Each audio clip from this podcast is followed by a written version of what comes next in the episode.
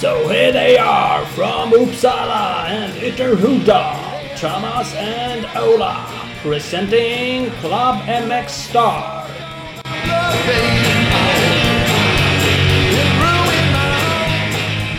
Välkomna till Club MX Star Podcast, alla härliga lyssnare och eh, Ola.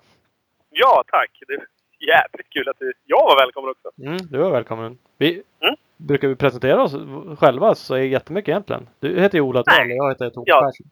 Exakt så, det är vi. Det kanske man har lyckats lärt sig genom åren. Inte, Mm. Man kan inte vara helt säker men.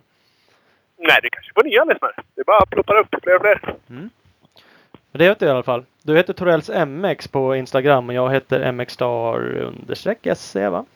Jajamän. Mm. Kan man leta upp oss där. vi. Mm. Eh, kan man följa oss så kan man eh, leva med i våra upptåg. Precis. Eh, och vi finns ju även på Facebook med MXstar. Ja. Det är lite mer Klubb MXstar officiella kan man väl. Om man nu ska Yeah. vara sån. Det händer inte jättemycket men det händer lite grejer ibland. Ja, men det, det går i vågor. Det går att våga. Sen får vi lite feeling och då rastar det ut grejer och sen äh, kör vi semester igen. Ja det är så. Och så tänker man så här att man ska, fan det vore roligt att skriva lite mer och kanske vara lite personlig där. Och det finns ju det där är ju Facebook ganska bra om man är så. Man, det, folk kommenterar lite och lite sådana saker. Ja, man lätt att få feedback på. Ja, men lite lättare. Vi har ju även mxstar.se. Där kommer ju liksom podcasten ut. Men där händer det ju som minst då kan man kanske säga. Det är ju nästan bara podcastgrejerna som vi lägger ut där. Yes. Eh, så i alla fall. Eh, ska vi börja direkt tycker jag och tacka lite av våra samarbetspartners. Ja, men absolut. Det är ju de som eh, gör att vi har det här drivande. Ja men de- de är ju en Rullande. stor del i det. Det gör det faktiskt enklare och roligare för oss eh, eh, med de partners som vi har. Vi har ju bland annat Speed Equipment med oss. Det är ju den klart bästa cross-enduro-butiken i Västsverige. Precis idag gick de ut med sin nya stora rea. Det är 20% på alla Fox-prylar i butiken. Stövlar, kläder, hjälmar, you name it. Eh, grymma grejer Fox. Gå in eh, och åk till butiken Eh, och kolla in det. Eh, kolla också in deras webb, www.speedequipment.se och på Instagram har de SE Racing Sports. Jajamän. Det är även Opus Bilprovning. Vi erbjuder både kontroll och registreringsbesiktning på samtliga fordonslag. Över 80 stationer i Sverige, från Kiruna i norr till Helsingborg i söder. Opus Bilprovning, din samarbetspartner när du ska bygga om ditt fordon. Så eh, kolla www.opusbilprovning.se. Det ska man göra. Man ska också kolla in skott. Motocross, enduro, cykling, löpning, skidor. Skott har allt du behöver. Eh, ta en titt på deras hemsida för att se hela utbudet av produkter. De har ju precis lanserat 2018 glasögon, lite 2018 kläder. Eh, bland annat. Så att eh, kolla in www.skott-sports.se och Skottsports Sverige på Facebook. Jajamän. Och så har vi Husqvarna med oss. Husqvarna TE250i och TE350i är nu lanserade. Första serieproducerade tvåtaktsbiken med insprutning. Bättre för miljön, mindre bränsleförbrukning, inget mer blanda olja i bensinen och ingen mer inställning av förgasare. Om man eh, nu tycker det är roligt. Och det är vilket det är. Det är fantastiskt. Jag håller på att bråka med min. Så att preliminärt leveransdatum i slutet, är i slutet på juli, början på augusti någonstans. Så in till din lokala handlare och beställ en bike om du ska ha en. Husqvarna understreck Scandinavia på Instagram. Det ska man göra. Jag ska rätta dig lite för det är TE250 och TE300. Du sa faktiskt 350. Det är ju två Oj, jävlar. taktmaskinerna. Ja, Ja, det är ju stor skillnad. ja, det är, ja, det är 50 kubik där. Ja, Ja. det ska man ha. Det hade de säkert listat ut ändå, men så är det i alla fall. 250 300. Eh, sen har vi också Don't wanna be too old for this shit. Ett svenskt märke som är till för de som aldrig ger upp och gör vad de älskar no matter what. De har crosströjor, crosshandskar, streetkläder. Så kolla in www.boftshit.com och eh, samma lika på eh, Instagram. Jajamän. Där har vi lite. Ja, Det är ju magiskt. Stort tack till, Fantastiskt. till de partners. Det kommer några till sen. Det brukar ni vara Ja. medvetna om säkert, ni som lyssnar regelbundet. Att vi smäller in ett gäng till partners mitt i. precis. Eh, man också lyssna på. Och en- enklaste sättet att supporta oss är ju att eh, dels lyssna på våra podcast och supporta våra supporters. Alltså supporta de här fantastiska företagen som väljer att hjälpa oss. så är det ju faktiskt. Det, vi kan ju inte nog eh, tjata om det, men det är ju sanningen. Tack. Då blir vi ju alla glada. Så att gör det. Och framförallt är det ju bra partners. Så att söker ni grejer inom crossenduro så är det ju dit ni ska vända. Yes. Eh, Vi pratade lite Facebook och lite sådana saker. Youtube finns det ju faktiskt också på. Det var någon som kommenterade på, på ett Youtube-klipp eh, som jag la ut att åh shit, finns ni här också? Eh, Vi finns fan överallt. Det hade vi en hel, en hel serie med magasinprogram vi gjorde. Ja det hade vi, så det kan man faktiskt kolla tillbaks på. Vi gjorde ju intervjuer, vi kan ju säga att man gjorde typ podcasten fast i, ett studioprogram. Så vi filmade då gäster och sånt där från Cross-SM och lite Enduro-SM. Eh, Så de finns ju kvar där. Absolut. Eh, Så det kan man gå in och titta på. Lite andra grejer, eh, vad det nu kan vara. Några vloggar gjorde jag från inför Kåsan och ja, Ja, vi pratade lite lysen efter kåsan och sådär. gjorde vi varsin. precis det gjorde vi. Eh, Lite allt möjligt. Så Youtube, eh, sök på MXstar så dyker det upp. Eh, apropå Youtube så, eh, och framförallt Facebook. När man, när man ändå är där och fladdrar. när man ändå är där och fladdrar, då ska man ju gå in och så ska man ju kolla Baka med Frida. Det är ju Robban Kvarnströms fru. Eh, som Ja. framförallt har varit stor på Instagram och eh, Facebook med eh, fantastiska baktipsrecept på eh, kakor och bakverk helt enkelt. Mm. Nu, har de släppt sitt första Youtube-klipp. Det roliga med det här tyckte jag, jag såg det precis. Det är ju att kollar man klart eller spolar fram så dyker ju kvar Robban Kvarnström upp i slutet och mumsar kladdkaka så att det bara sprutar i munnen på honom. Ja, jävlar vad han tyckte det var gott. Han åt nog tre, fyra, kanske fem tuggor där innan han förklarade att det där var det godaste han någonsin ätit. För det ska man kolla. Bara därför om inte annat. Ska man kolla. Bara därför om inte annat så är det faktiskt lite kul. Eh, vi, kommer ha med eh, en gäst i slutet av det här avsnittet som heter Patrik Erlandsson. Precis, vi kommer ha med två gäster. Men vi kommer avsluta med Patrik Erlandsson. Det gör vi, så vi börjar med att säga, nämna han här. Att, Yes. eh, Så folk hänger kvar. Det här är det han kommer säga att det är faktiskt spännande. Och nyheter. det är ju det. Det är någonting kul. eh, Så att då ska man lyssna klart. Eh, Innan dess kommer vi prata med Nisse, Niklas Gustafsson. Eh, Gamla Enduro S1 och numera brand manager på VP. I Scandinavia, precis. Precis, KTM Scandinavia-familjen kan man väl säga att han hör till. Ja, exakt. exakt så. Innan vi ringer Niklas. Det har ju hänt några grejer. Det har hänt massa saker, men några saker vi kan ta upp. Det var SM-vecka. Eh, Där Ja. har man kört sprint motocross och super-enduro. Mm. Jag tycker det är ett lysande forum att de får klämma in de grejerna där. Det är perfekt. Ja, det ska man ju bara supporta så mycket man kan. Jag har inte sett allt ifrån, men jag kollar en hel del från uh, Superenduron. För de sänder ju på SVT Play. Det är ju det som är det fantastiska. Tyvärr så dissar de ju sprintmotocrossen lite där. I Ja. år igen. Ja, Eh, Förra året så sa de att det skulle vara med. Då stod det ju med i typ eh, tablåerna. Sen vart det ingenting. I år har jag inte sett så mycket om det. Eh, Nej. eh, Det är lite tråkigt. Men Superenduron är ju jäkligt intressant. Den är också lättfilmad. Lätt att följa. Eh, och, ja absolut. Rätt eh, liten kompakt bana och sådär. Eh, Och, och i Superenduro fick vi faktiskt en ny medaljör. Där har ju Jocke Ljunggren kanske prenumererat på det SM-guldet. Han hade sex eh, raka SM-guld. Mm. Så ja, det kan man, det kan man anklaga honom för att prenumerera på det. Det kan man ju faktiskt. Så det kanske inte var mer än rätt då att Andreas Linusson fick, fick ta över. Nej, faktiskt. Och jätte, jättekul för Linusson och... eh, Det, ja, jag vet inte. Ljunggren är ju pro ut i fingerspetsarna. Vi pratade om det tidigare idag. Han eh, gratulerade såklart och tyckte att ja, nej, det hade gått, kunnat gått either way. Men vi har ju pratat med Jocke några gånger. Jag ska inte säga att jag känner honom alls. Men det sken igenom att han inte var så jävla nöjd med det där. Det var, när- de körde ju tre finalhit och de intervjuade ju uh, Ljunggren mellan varje. Eh, dels Ja. för att han var tvåa i alla hiterna. Så det var Ja. framförallt därför Linusson också var intervjuad. Det var det, ja, då var han inte så jävla nöjd.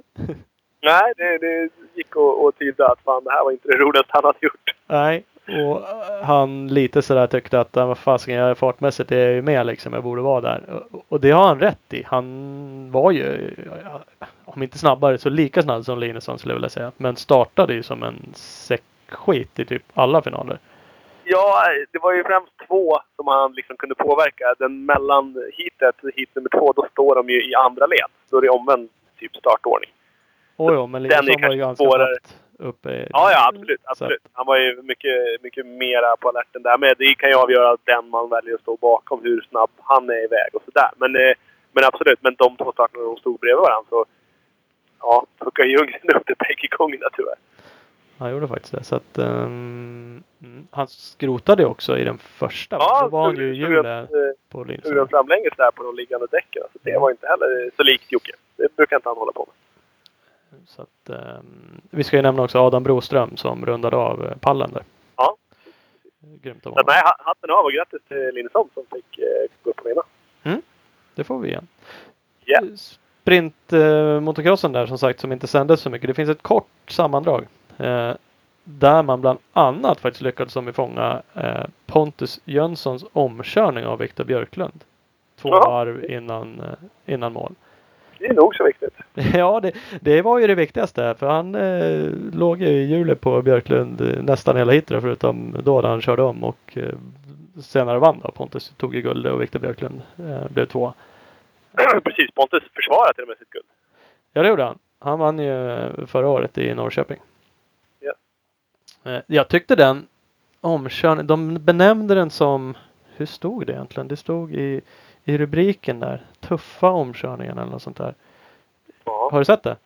Nej, jag, Nej. faktiskt, jag ska vara ärlig och säga att jag bommade. Eh, Björklund går ju ut på en ytter. Det ser ju snarare ut som han släpper om tänkte jag säga. det, det Ja. ser ganska enkelt ut omkörningen. Just det man ser där. Eh, Ja. så, så det är ett jättekort klipp. Man ser bara den kurvan i stort sett. Så att, eh, skitsamma. Ja. Då får jag göra som alla våra lyssnare och leta upp det och kolla på det. Ja, det borde man göra. Jag kan inte säga exakt vad det är i SVT Play där det finns. Eh, eller SVT som, ja. Eh, så att eh, kolla in det klippet. Det är ganska kort. En intervju med, med Jönsson och så är det den omkörningen. Och så, så att det tycker jag absolut man ska kunna säga. Viktor Björklund lite comeback. Han har ju haft lite problem i år. Har ju- Ja, det har haft lagt hjälmen på, på hyllan lite. Han tyckte inte det var så optimalt ett tag när han ja, men hela tiden typ kraschade. Nej, han har gjort det. Som sagt, nästan uttrycktes som att han var lite eh, liksom rädd. Hade ingen bra feeling alls för det där. Nej, men det förstår jag ju. Alltså självförtroendet sviktar ju nog blixtfort om det blir några så här krascher. Och speciellt om man inte riktigt kan sätta fingret på varför man kraschade. Ja. Det, Då äh, bröt i huvudet. Det är så. Så det var ju kul här. Får hoppas att han är tillbaks. Vi måste ju nämna också eh, Eddie Edoslav Hjortmarker, Big Balls Ed Yes! Blev ju trea Ja, faktiskt. på eh, Big Balls eh, va. Smällde ur den och så det är Ja. okej. Men, Det ja, det var ju svinbra gjort. Så att, eh, mycket, mycket kul. Men nu kommer han komma med sjukt stort självförtroende och bara dra som jordsvin på de resten av SM tror jag. Ja, det är inte många eh, dagar kvar tänkte jag. Veckor till Varberg bara. Varberg när Mm. drar igång igen. Så att, Kör vi igen. kör vi igen. Eh, där har vi lite eh, updates från SM-veckan. Ja. Ska vi ringa Nisse G eller? Yes, häng med så får vi prata lite enduro med Nisse. Niklas? Ja, Tjena! Nisse G. Tjena! Hej du! Hej! Läget? Det är Sver- Sveriges största och bästa motocross-podcast här. Härligt! Låter utmärkt. Ja. Nu tänkte vi att det var dags för en riktigt gammal gubbe att vara med här. Gammal gubbe. Det har ni kommit till fel gubbe. Är det så det är? Det är väl i Jag din är lika gammal som dig Thomas. Ja, Ja. just det. Var så det var. Men jag är Ja. väldigt ung i sinnet. Jaha, det är inte jag då. Åh, oh, det är det. Åh, oh, den ska du få. Det är det faktiskt. Fan. Du är ju Härligt, tillbaks i enduro SM-träsket också ja. Det måste ju vara ungdomligt om något. Jajamän. Börjar göra comeback. Ja, eller hur? Mm. Jag måste nog nästan vara äldst i SM-klasserna, eller vad tror du? Ja, Bjerkert va? Ja, Bjerkert var nog den senaste. Precis. Ja. Kalle är nog, eh, är nog det värre. Men han ligger ju bara i vägen hör jag. Är det så? Ja, folk, eh, vissa har eh, uttryckt eh, rätt mycket ilska över att han bara låg i vägen. Sådär ja. Okej. ja, Ja. han var ju med hyfsat. Ändå. Ja, absolut. absolut. Men det var någon som åkte lite fortare som tyckte att han var en jävla bromskloss och typ vägrade släppa om. Och när han väl, den här nu föraren väl körde om så då typ small det i sidan så kom ett stycke Bjerkert där och knuffade till honom. Ja, okej. Det, det går det med. Ja, det går det funkar det med. Coolt. Ja. Ja. Är det här eh, sista rycket nu innan du se- sadlar över till veteran-RM-klassen eller? Eh, det vet vi inte. Det får vi se. Kanske, kanske inte. Får se om det blir någon eh, RM-klass. Jag tror de ska lägga ner. Har, de pratat, har de pratat om att lägga ner det eller? Nej, nej, nej men för min del tänkte Ja, för jag. din del tänkte jag. Ja, ja, ja, du ser så. Ja, ja. Det får vi se. Om man har intresset. Ja, jo, så är det ju. Så är det. Och sen är det ju... Alltså, åka på en viss nivå är ju en sak, men sen att åka på en, en typ motionsnivå och åka veteran blir ju inte samma sak för er som har åkt SM-topp och VM och allt sånt där. Det blir ju... Det är svårt att, att ladda halvvägs. Ja, precis. Visst är det så. Det kan vara lite knepigt faktiskt. Eh, Det finns väl inte så många som håller på och åker... Har åkt VM liksom och, och sen åker eh, VRM efter sen. Nej, det är nej men så är det. ytterst få.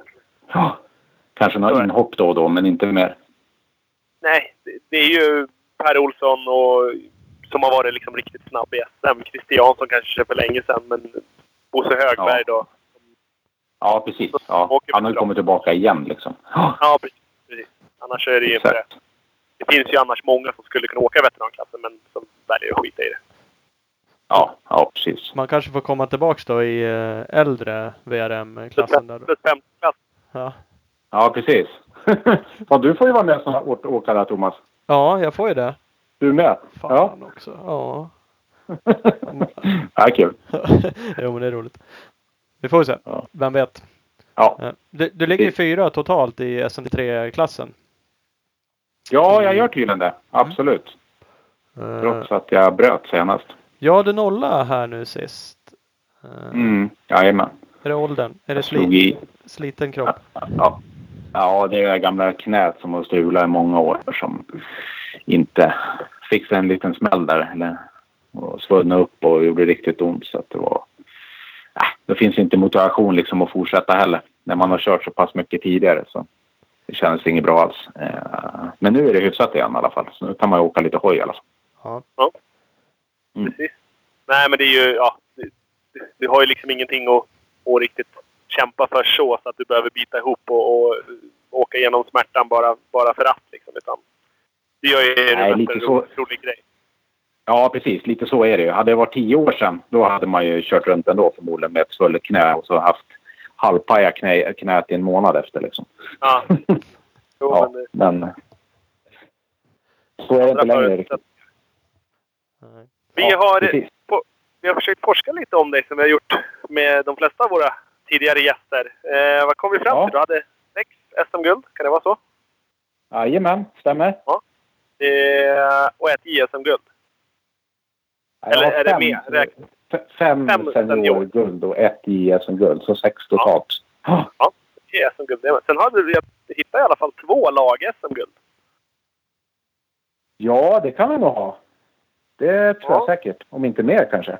Till och med. Ja, det är möjligt. Jag hittade bara... Ja. Nej, jag hittade tre. 8, 9, 11 hittade jag. Men det kan ju vara något tidigare också. Ja, just det. 8, 9, 11. Sen hade vi ett förra året med va? Ja, det kanske jag hade. Det är så långt... Mm. Eller så, så aktuell var inte den sidan. Nej, okej. Vi- okej. Vil- Vilka var det som drog eh, laget som förra året? Det var jag, Jonas Karlsson, Sander va? Knutsson. Det var ju typ ett... Jag, var, jag vann med en cykellängd typ. Förra året. Eller vi vann med en cykellängd. Jag körde sista sträckan. Är det för, för eh, Edlund var det va? Ja, okej. Ja, vad du säger. Mm. Ja, Ja. det räcker ju det. Ja, det räcker. Det räcker gott det. Ja. Men, men alla guld eh, och laggrejerna vi pratar om, det är eh, enduro? va?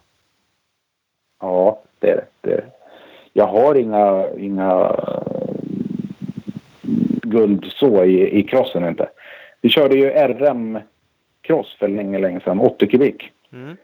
Där har jag ju en tredje plats, en medalj i alla fall, i 80 kubik. Vad hette det då? 12-13 hette det va?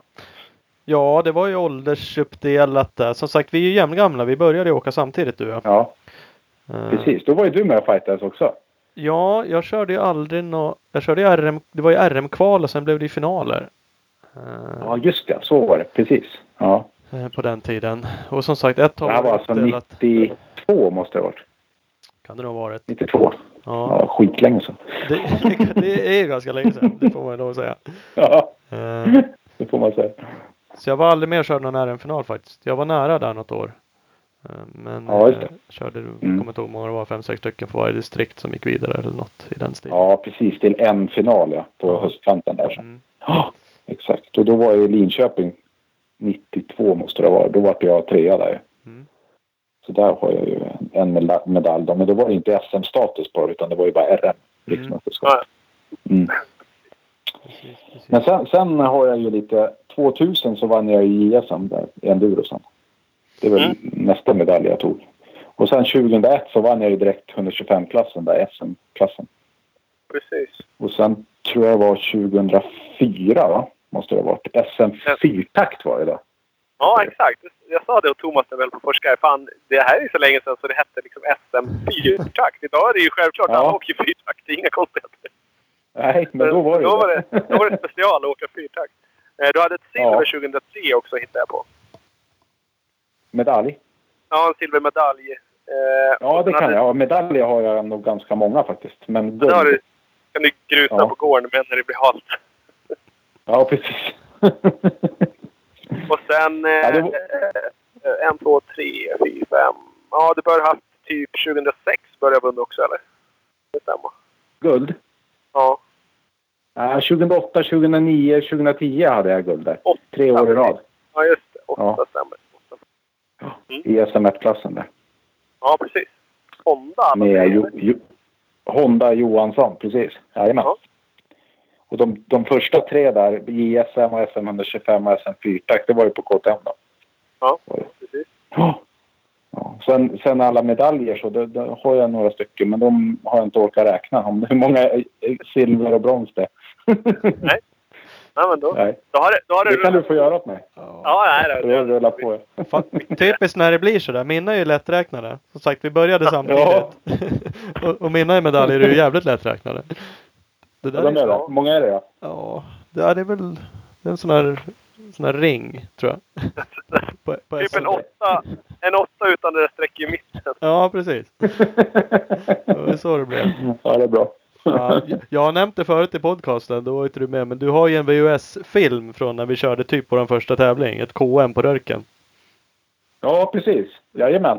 Som vi ska försöka lämna till mig någon gång. Jag har ju fortfarande inte... Ja, den har jag haft i bilen nu i typ två månader. Som Ja. Ja. den, den måste vi lägga ut på Youtube. Då kan jag åtminstone säga Ja. att jag nästan var lika I snabb närheten då. en gång i tiden. ja, du var med på samma film i alla fall. ja, precis. Eller hur? Faktiskt. Ja, det är stort nog det. Ja, det är coolt. Riktigt Ja. fränt. Ja, så va, va, hä- varför blev, för då var det ju cross. Det är det ju för de flesta i och för sig när man kör liten hoj. När blev det enduro? Och varför? Var det bara ändå eller? Enduro vart det ju... Jag körde ju cross där ganska många år egentligen men det vart ju aldrig något riktigt bra resultat. Sen hade jag ju där slutet på 90-talet så var det, hade jag ju skador flera år i rad. Där. Det var korsband och det var ben och det var allt möjligt skit. Ja. Sen 98 körde jag i det här Östra Open. Det var Sven Hagman som höll i det. Mm. Och 99. Och då äh, gick det ju så pass bra där så Sven Hagman ordnade ju tillsammans med några andra förare. Marcus Olsen och eh, Rosendal och det var väl Alfredsson från Västerås tror jag. Så ordnade han en resa och åka några stycken FIM Junior Cup i enduro. Mm. Och det året då var det ju att vi fick, eh, fick hjälp och åkte gemensamt ut och körde de där. Två race var det då. Sen åkte jag nog två race till det året. Det var ju tillsammans med VM där, FIM Junior Cup. Mm. Eh, och sen var det ju mer och mer på, på enduron. Jag körde ju fortfarande cross 99. Kawasaki körde det året. Något race sådär. Mm. Eh, men sen var det ju bara enduro. Och så var det ju bara mer och mer. Och sen körde jag i hela JSM-serien året efter. 2000 måste det ha varit, JSM. Det vann jag ju det året. Och sen, ja, sen rullade det bara på enduron. Jag tyckte eh, enduron var lite roligare och var bättre resultat där. Ja. Så det var väl det som, det var väl han, tack vare honom då. Mm. mm. Som det vart som det vart. ja, uppenbarligen blev det ganska bra. Får man lov att säga. Så att, Ja, eh, det tycker jag. Absolut. Ja, helt klart. Eh, med, med tanke på skadorna och det så, så, så vart det lite självklart att, enduron, att det vart mer enduro. Eh, det är ju faktiskt inte lika mycket allvarliga skador enduron Nej. faktiskt. Eh, Nej, och sen kanske det passar mig lite bättre också. Mindre hopp också. Ja, lite mindre fart. Och sen kanske det passar mig lite bättre också, den typen av körning. Mm. än crossen gjorde. Ja, Ja. så Ja, nej, som sagt. Ja, det var så det var. Ja. När, eh, när hamnade du i Europa och eh, åka VM? När, eh, vilka år var det? Ja, 2002 och 2003 så körde jag ju för KTM Farioli. Det Ja. var ju deras fabriksteam då. Ja. Eh, hade ju också ett team som också var ett fabriksteam. Så fa- fabriken hade ju då två team. Det var i samma år ungefär, 2002 och 2003. 2004 tror jag också till och med. Men jag körde, 2002 och 2003 då för Farioli. Eh, det var, varför jag fick det kontraktet, det var för att jag körde så pass bra där på Stickstay så jag varit uttagen och åka Juniortrofen i eh, ska säga, 2000 måste jag ha varit i Spanien va? Och 2001 i Frankrike. 2001 då, då vann jag ju första dagen i 125-klassen som junior. Då. Och det var väl lite avgörande till att jag fick kontraktet för året efter, skulle jag tro. Ja. För Farioli. Farioli. Så att, eh, där eh, 2002 fick jag åka på deras 254-takt. Eh, med egentligen den gamla. Det skulle komma en ny motor där men det gjorde aldrig det. Utan vi fick köra på den gamla motorn som var skapligt trimmad. Eh, och då vet jag att Peter Bergvall var med och åkte. Han åkte på Yamahas den här nya 254-takten då. Den gick ju riktigt, riktigt bra. Så jag hade ju lite problem att hänga med där. Men eh, jag lyckades ändå ta en fjärde plats det år i VM i 254-taktsklassen. Då, där var det också helt annorlunda klassindelningar än det är idag. Ja. Eh, och sen 2003 då så körde jag i 450-klassen. Vart jag sexa det året. Okej. Men då var det ju, det var ju fem klasser då. Både 2002 och 2003. Även tidigare tror jag. Ja, precis. Det var en jävla massa klasser. Det var... Ja, det var det. Det var väldigt många. Så de ströp det till året efter sen, till 2004. Och då hade de ju färre förare. Och då tyckte de väl att jag inte hade gjort riktigt bra resultat. Och så då vart jag av med kontraktet. 2004. Eller vart om. Jag hade skrivit på två år, men jag fick inget förlängt. Nej. Ja. Att, men eh, det var ju kul. Det var erfarenhet rikare i alla fall. Absolut. Ja, det måste det ha varit. Helt klart. Ja. Hur, hur guldkantat är ett sånt där kontrakt? Nej, det är inte speciellt guldkantigt kan jag säga. Man har bra förutsättningar. Bra hoj och eh, bra komponenter att arbeta med. Ja. Eh, Sen betalning och sådär, det är väl inga, inga pengar att prata om så. Absolut inte. Eh, Då lär man göra bra resultat i VM flera år i rad för att kunna tjäna lite pengar. på det. Få liksom ännu mer fortsatt längre styrningar och komma Ja. upp i klasserna kanske eller någonting sånt där. Ja, precis. Absolut, absolut. Är För så. efter det har det inte blivit några hela VM-säsonger eller? Har du gjort några VM-inhopp och lite sådana saker? eller? Ja, jag körde ju några år till där efter. Eh, inte hela VM-säsongen, men ganska många tävlingar i alla fall. Men det vart inga riktigt bra, bra resultat efter det. Inte. Det Nej. inte. Hängde inte med riktigt. Riktigt. Det vart väl 2004 körde jag några VM. 2005 körde jag några stycken. Men sen efter det vart det väl inte så mycket. Det vart väl några inhopp här och där bara. Mm. Efter det. Ja. Börja samla på SM-guld istället. SM Ja, just det. Precis. Ja, exakt. Det vart ju 2004 redan där. Året efter. Jag vart eh, av med kontraktet. Mm. Och sen, sen var det några års uppehåll där till 2008. Då. Var Precis. Då, då mest, mest liten hoj, va? Eh, ja, det har jag faktiskt gjort. Absolut. Är det för 125 att, och 254 takt.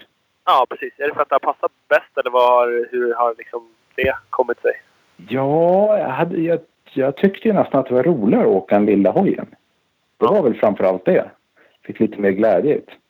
Ja. Men, men efter det där, det där som guld 2004 där, då hade jag väl tappat lite grann av gnistan. På sätt och vis. Eh, så att då visade, vart det ju inga riktigt bra placeringar. Men sen så ja, hittade jag den lite grann igen med, ja, med Honda Johansson där. Så att, eh, det kändes kul att köra ordentligt igen. Så då vart det ju tre som guld på rad där, vilket var jätteroligt. Det trodde jag faktiskt inte, om jag ska vara ärlig. Nej. Det var, Hur, det var en eh, liten bonus där. Mm. De, de var ju tidiga att köra team eh, i Sverige på endurosidan. Liksom. De har väl varit mer eller mindre själva som liksom, privatteam. Ja, Jocke Eh, Johansson. Ja, precis. Han körde Hur- väl ganska tidigt på 2000-talet i början med det. Ja, dels så körde de i egen regi när de åkte. De åkte i VM, både han och, och Björn. Ja, ja absolut. Ja. Så, men sen... Eh, eh, ja, så sadlar de väl mer över och liksom blir ett team för andra förare. Men hur, hur ser en sån bil ut? Hade du någonsin pröjs därifrån liksom? Nej, nej det hade jag inte. Nej. Nej. Men vi hade bra hjälp med, med, med grejerna. Ja. Absolut med kläder och reservdelar och, och eh, hojar och sånt där. Men in, Ja. inget betalt inte. Nej. Det tror jag inte har, har eller kommer existera i Sverige så direkt. Nej, det är Nej. väl liten marknad kanske. Men det är ändå liksom kul att, att höra sig för. Och, Ja, Se hur det funkar. Ja, absolut. Ja, ja. Men, eh, nej, han är ju väldigt seriös och rolig och har, liksom gnistan för sporten. Han, eh, han älskar ju sporten. Det är därför han håller på med det teamet och håller fortfarande på fast nu med Yamaha istället. ja, precis. Han är en härlig färgklick så, det får man ju säga. Absolut. Ja men det, grej, det får man ju. Jag känner den inte alls. Jag kanske aldrig ens har pratat med eller om jag pratat med den i telefon. Men förut åtminstone var han duktig på att skriva Nej. race-rapporter. Och jag eh, sökte lite nu. Jag sökte bland annat på MXstar-sidan på artiklar jag hade skrivit och grejer jag hade lagt ut. eh, Som han då Ja, hade ja. skrivit mycket. Han verkar ju vara jävligt rolig. De var jävligt fyndiga alltså. Ja, det är han. eh, Jo, han är väldigt... Han är jävligt skojig, prickren. Absolut. Ja, då får du ta och surra lite med den. Ja, Ja, jag lär göra det. Det är Mm. för dåligt att inte ha Det lär göra. För som sagt, man har ju länge känt till eftersom de driver teamet så sjukt proffsigt liksom. Det är ju verkligen. Ja, eh, och de absolut. fortsätter. Alltså, I Och nu- år är de ju officiella JVM-teamet. Varför Yamaha? Inte så? jajamän. Jajamän. Ja, exakt. Eh, Så det är ju liksom ingen, ingen skitgrej bara här hemma heller. Utan det är ju rätt så stora grejer. Ja, det är seriöst. Absolut. Ja. Det är kul. Eh, Du nämnde Six Days. Du har, kört, hur många, har du kört det flera gånger då? Du nämnde två. Six days, ja. Ja, det har jag nog kört tio gånger, tror jag va? vi kom upp i. Ja, för eh, juniorlandslaget och seniorlandslaget. Jag har aldrig kört för inom klubb, eh, klubblag inte, utan det är bara för, för landslaget. Bara för landslaget. Ja, Är det kul? Är kör. Six Days sk- sjukt kul eller vad är? Ja, hela grejen är ju skitkul. Ja. Absolut. Från eh, ja, resan dit fram till eh, målgång och efter målgång. Det är riktigt häftigt. Häftigt race. De som inte har gjort det så ja, det är något man kan rekommendera att göra. Riktigt skoj. Det är jävligt cool och det är ju faktiskt som du nämnde klubblag där om inte du har kört något. Det är ju faktiskt möjligt att köra Six Days även för sådana som mig och Ola. Så Ja, absolut. Man kan använda sig. Ja, det tycker jag. Absolut, det bör ni göra. Ja. Vad hade vi för plan Ni Ola? har ju massor med andra utmaningar. Så ni, kan, ni har ju andra utmaningar så det kan ju... Ja, Ja, exakt. Vi har ju haft något annat, annat tok på gång hela tiden. Så att, ja, Ja. nej, men Ja. absolut. Det kan väl vara ett mål. Det vore väl coolt. Så då kanske vi ska ha ett varsitt lag då och helt enkelt utmana varandra också bara för att helt skeva ur med det. Ja, Precis. då, Någon då, podcastutmaning. ja, exakt. Och så får man värva in lag då. Det värsta är att då kommer ju landslaget sacka det året. Det kan ju vara så. Det kanske är det året Nisse G för första gången får betalt för att vara med och, och köra där. Och får köra ett, klubb, ett klubblag och inte landslag. Dra ett klubblag. Ja, precis. Det Ja, blir liksom kanske. budgivning. Ja, det vore fränt. Ja. Jävlar. Ja, Det är tur att det är jag som är ekonomiansvarig i, i klubben ja det låter så. Det lät helt plötsligt som du har djupare fickor än vad jag har. Ja, ja. ja, ja. Det. Ja, fantastiskt. Ja, nej, men allt, allt, allt går väl att, att drömma om, höll jag på att säga. Det är ju bara att spåna iväg. Vi får se vad vi kan hitta på för något. Ja, precis. Vi kommer nog på något skoj. Ja, säkert. Det tror jag. Har det, har det blivit något... Inga guld på Six Days, eller? Eh, nej. Något guld fick vi aldrig. Nej. Men jag Silver hade vi. Ett. Ja, silver. Ja. Silver hade vi i senior. Vilket år kommer jag inte ihåg nu. Nej. Faktiskt. Nej, jag, jag, jag har Eh. någon bild här på dig, Björne, Lillanders, Toresson. Eh, Ljunggren ser ut att vara typ 12 bast och så Rickard Larsson. ja, precis. Ja. Det Det måste är ju- vara något landslag. Eh, Ja, exakt. Ja, ni, ja, ja, Eh. det är ett riktigt jävla brödgäng. Det Tjeckien ju- kanske. Ja, det är möjligt. Det är riktiga fortåkare. Tjeckien 2002 eller något sånt kanske. Eventuellt. Kan det vara det? Fan, åren går. In i helvete. Mm. Det är bara 15 år sedan. Ja. Ja, precis. Det är ingenting. Jag är inte ett dugg äldre. Nej, så är det. Det är bara yngre Ja, och starkare och snyggare. Ni Ja, åkte ett år och sen åkte Bixell, eh, Lindbom, Charlie Söderblom och eh, vem fan är det där då? Almen tror jag. De åkte J- Okej. Junislaget i år. Ja, ja. Ja, coolt. Det är så här, sitter det du du och, nej, jag hittar inte vart det är ifrån. Sitter du och vill googlar på dig själv ibland eller? Om jag gör? Nej, Ja. Nej. nej det gör jag inte. Men grabben har bara gjort det.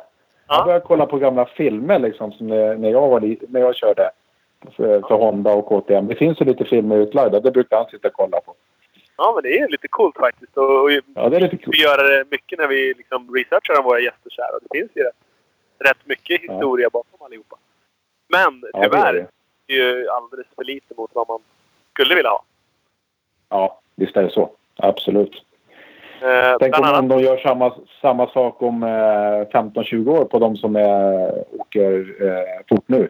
Då kommer Ja. det finnas hur mycket som helst. absolut. absolut. Ja, så det ändrar sig. Vi, eh, har, vi sökte lite på typ klassikertävlingarna, Stångebro, Ränneslätt och Gotland. Och där är ju ja, jättesvårt att hitta gamla, gamla resultat. Jaha, Har det du, kanske har du, har du, något, eh, har du någon meriter därifrån? Har du rullat på där? Ja, det har jag väl också. Ehm, Gotland har jag väl nå en andra plats i alla fall efter lappen då såklart. Ja.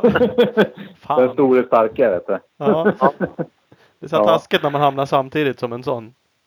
Och dessutom som håller på så jävla länge. Det, han har varit samtidigt som rätt många. Ja, absolut. Nej, det är väl det bästa jag har på Gotland. Är det. Vilket år det kommer jag inte ihåg heller riktigt. Men det, det kan du ju googla fram. Ola. Ja. Ja, men det är ju alltså just att du nämner lappen. Lappen har ju typ dragit med Peter Hansson och eh, Albin Elofsson. Det är liksom Ja. jättestort glapp däremellan tycker Ja. man. Men eh, Ja. det är, han har en lång aktiv karriär. ja, det har han absolut. En lång, bra karriär får man säga. Ja, helt klart. Mm. Det är inte många som har hållit på och kört så länge. Med så Nej, bra och- resultat så länge.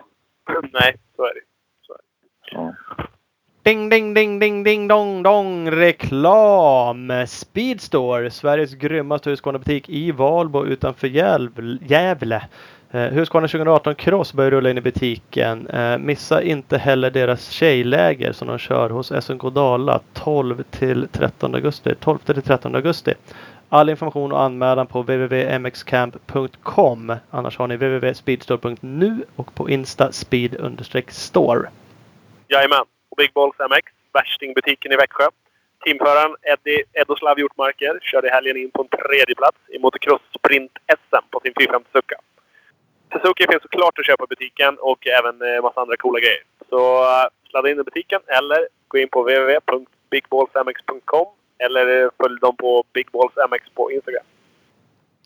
PC Parts, Nordens ledande offroad-leverantör med coola varumärken som 100% Seven, 6D, Maxima Olja och Atlas. Allting hittar ni på pc-parts.com eller på Instagram PC Parts Europe. Jajamän, och Mafi. Morabolaget Mafi fyller 25 år. Imponerande och ett stort grattis från oss. Fortsätter sponsra flera svenska förare som till exempel Ken Bengtsson, Tim Edberg och massa fler. www.mafi.se nu kör vi vidare med avsnitt. Ja, men, eh, men nu då? Din, din roll i, i endurobranschen nu tiden, den är lite annorlunda. ja, det är det också. Du tänkte Eh, det på var- jobbet. Ja, du är varken teamchef eller, eller något annat. Utan du, du jobbar med lite fjädring. Ja, precis. Jag jobbar ju för KTM Scandinavia, men brand manager för VP, alltså fjädringen till eh, motorcyklar. Ja. Som, jag började ju där i mars, slutet av mars. Så jag jobbar där tre månader nu då. Ja, ja. Ja. Eh, vilket är riktigt skoj att komma in i branschen igen från en annan vinkel. Än, ändå har det ju med racing att göra, men det är ju inte utövande av sporten. Utan det är ju från ett annat håll, vilket är jävligt skoj faktiskt. Mm. För man älskar ju motorcykelåkningen, så är det fortfarande. Ja, Man kanske inte har samma... Man är inte lika hungrig på att racea längre, men det finns andra saker att ta tag i som, som sagt.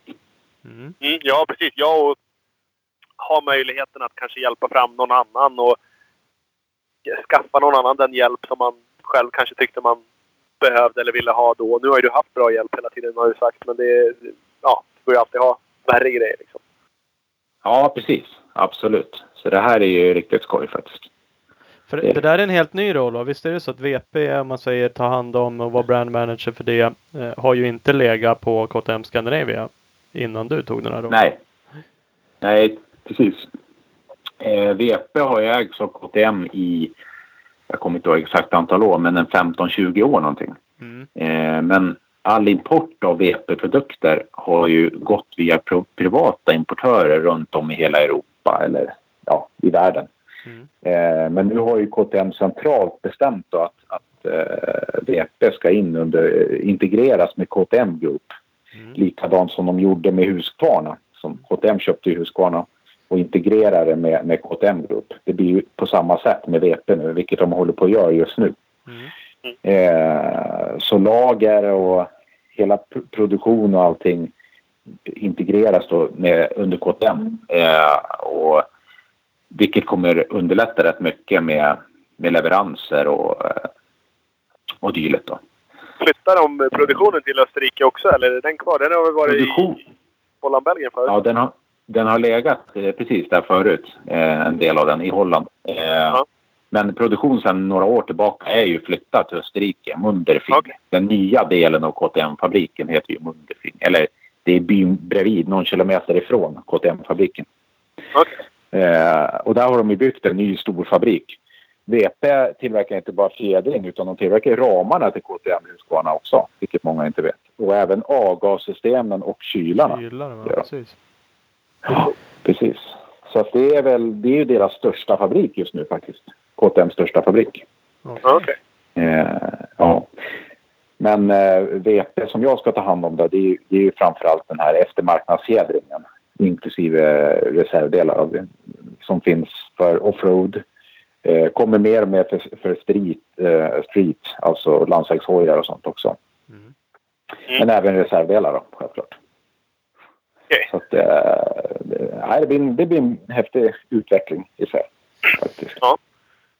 Så du, men kommer du liksom ha hand om vad ska jag säga, sponsring och sådana bitar åt eh, team och grejer också eller? Ja, det kommer det också bli. Absolut. Jag vet inte riktigt exakt hur det ser ut. Det vet ingen som vet riktigt än. Nej. Eh, Vi är ju faktiskt först i Europa med, med den här typen att vi har en brand manager i Sverige då för, för VP.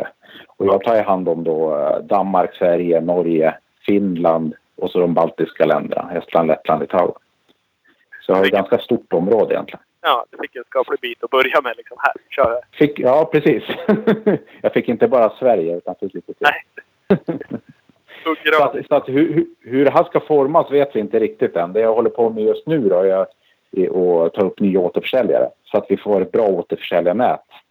Eh, vi har sju stycken klara i Sverige. Vi har två i Norge, vi har en i Finland och en i de baltiska länderna just nu. Vilket kommer utökas lite grann, absolut. Men nu måste vi få igång allt det här och sen just nu så håller de även på att flytta lagret och har byggt ett nytt lager. Eh, och det görs en sån här nytt dealernet för att, för att kunna beställningar och sånt ska kunna funka på samma sätt som det finns på KTM och Husqvarna. Ja, just det. Eh, och det här måste vi få, få i rullning först innan vi kan ta in flera återförsäljare. För annars kan de inte leverera ordentligt i tid och så, som vi önskar. Men nu har vi i alla fall ett återförsäljarnät som jag hoppas kommer funka. Mm, mm. Mm. Så mi- min uppgift är liksom att sköta återförsäljarna, eh, marknadsföring, visa nya produkter. Eh, ja, ansiktet ut då för VPs del i, i den här delen av världen. Är du själv just nu eller har du personal? Eller kommer du ha personal? Det känns ju som att det kanske kommer behövas fler än bara dig på. Ja, just nu är jag ju helt själv, men framöver så hoppas jag väl att vi kan vara någon eller ett par stycken. Jag vet inte hur många till vi behöver vara. Det får vi väl se. Hur stor marknaden blir också. Mm. Så det är, är spännande. Jätte, jättekul faktiskt att få chansen. Ja, helt klart. Och det är grymt att, att, att du får chansen som eh, liksom, gammal förare och inte bara någon eh, ja, liksom, vad ska jag säga, att du är händig på att jobba. Utan du, du vet verkligen vad du pratar om när det gäller fjädring. i och med Att du har åkt så pass mycket förut. Ja, precis. precis.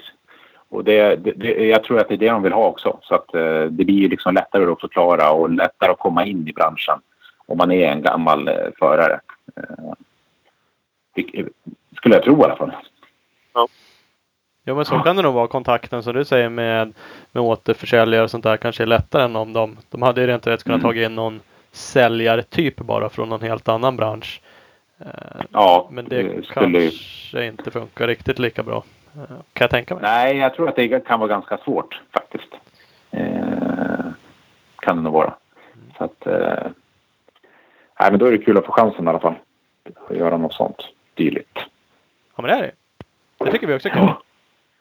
Att Ja, vi, att vi har den här ingången i. Så att vi eh, lägger väl en beställning sen då på grejer. Ja, du får göra det efter. Vi tar det senare. Vi tar det lite sen. Ja, precis. Ja, det är roligt. Det är en rolig roll. Um, um, pratade lite långlopp. Vi, vi tänkte vi skulle prata lite om Stångebro. Det är det som kommer till helgen. Ja, just det. Ehm, Exakt. Jajamän. Och du ska ju, en klass vet jag att du ska köra. Ola vet jag ska köra två Jajamän. klasser. En?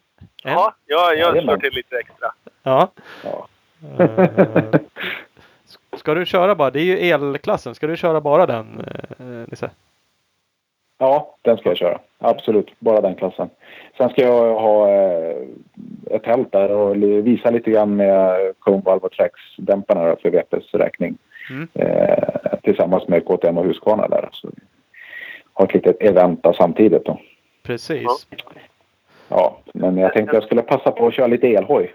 Ja, precis. Vi blir väl eh, en del i det där eventet. Att, att eh, vi eh, blir ett gäng från... Ja, som får låna hojar av, av KTM för att åka elracet. Jajamän, jajamän. Då skulle du vara med där. Dra lite. Ja, jag, jag, jag lyckas ju sna- snacka åt mig en plats. Det är du, jag, Adam Andersson som åker i eh, Enduro-teamet.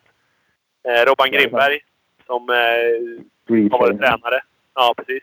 Mm. Och Mm. eh, Emil Kåberg som hade, Jajamän. ett par avsnitt. Honom har vi bjudit in också. Ja, Mm. precis. Vill ha det blir någon kul som fight. tacklar i slutet. Ja, precis.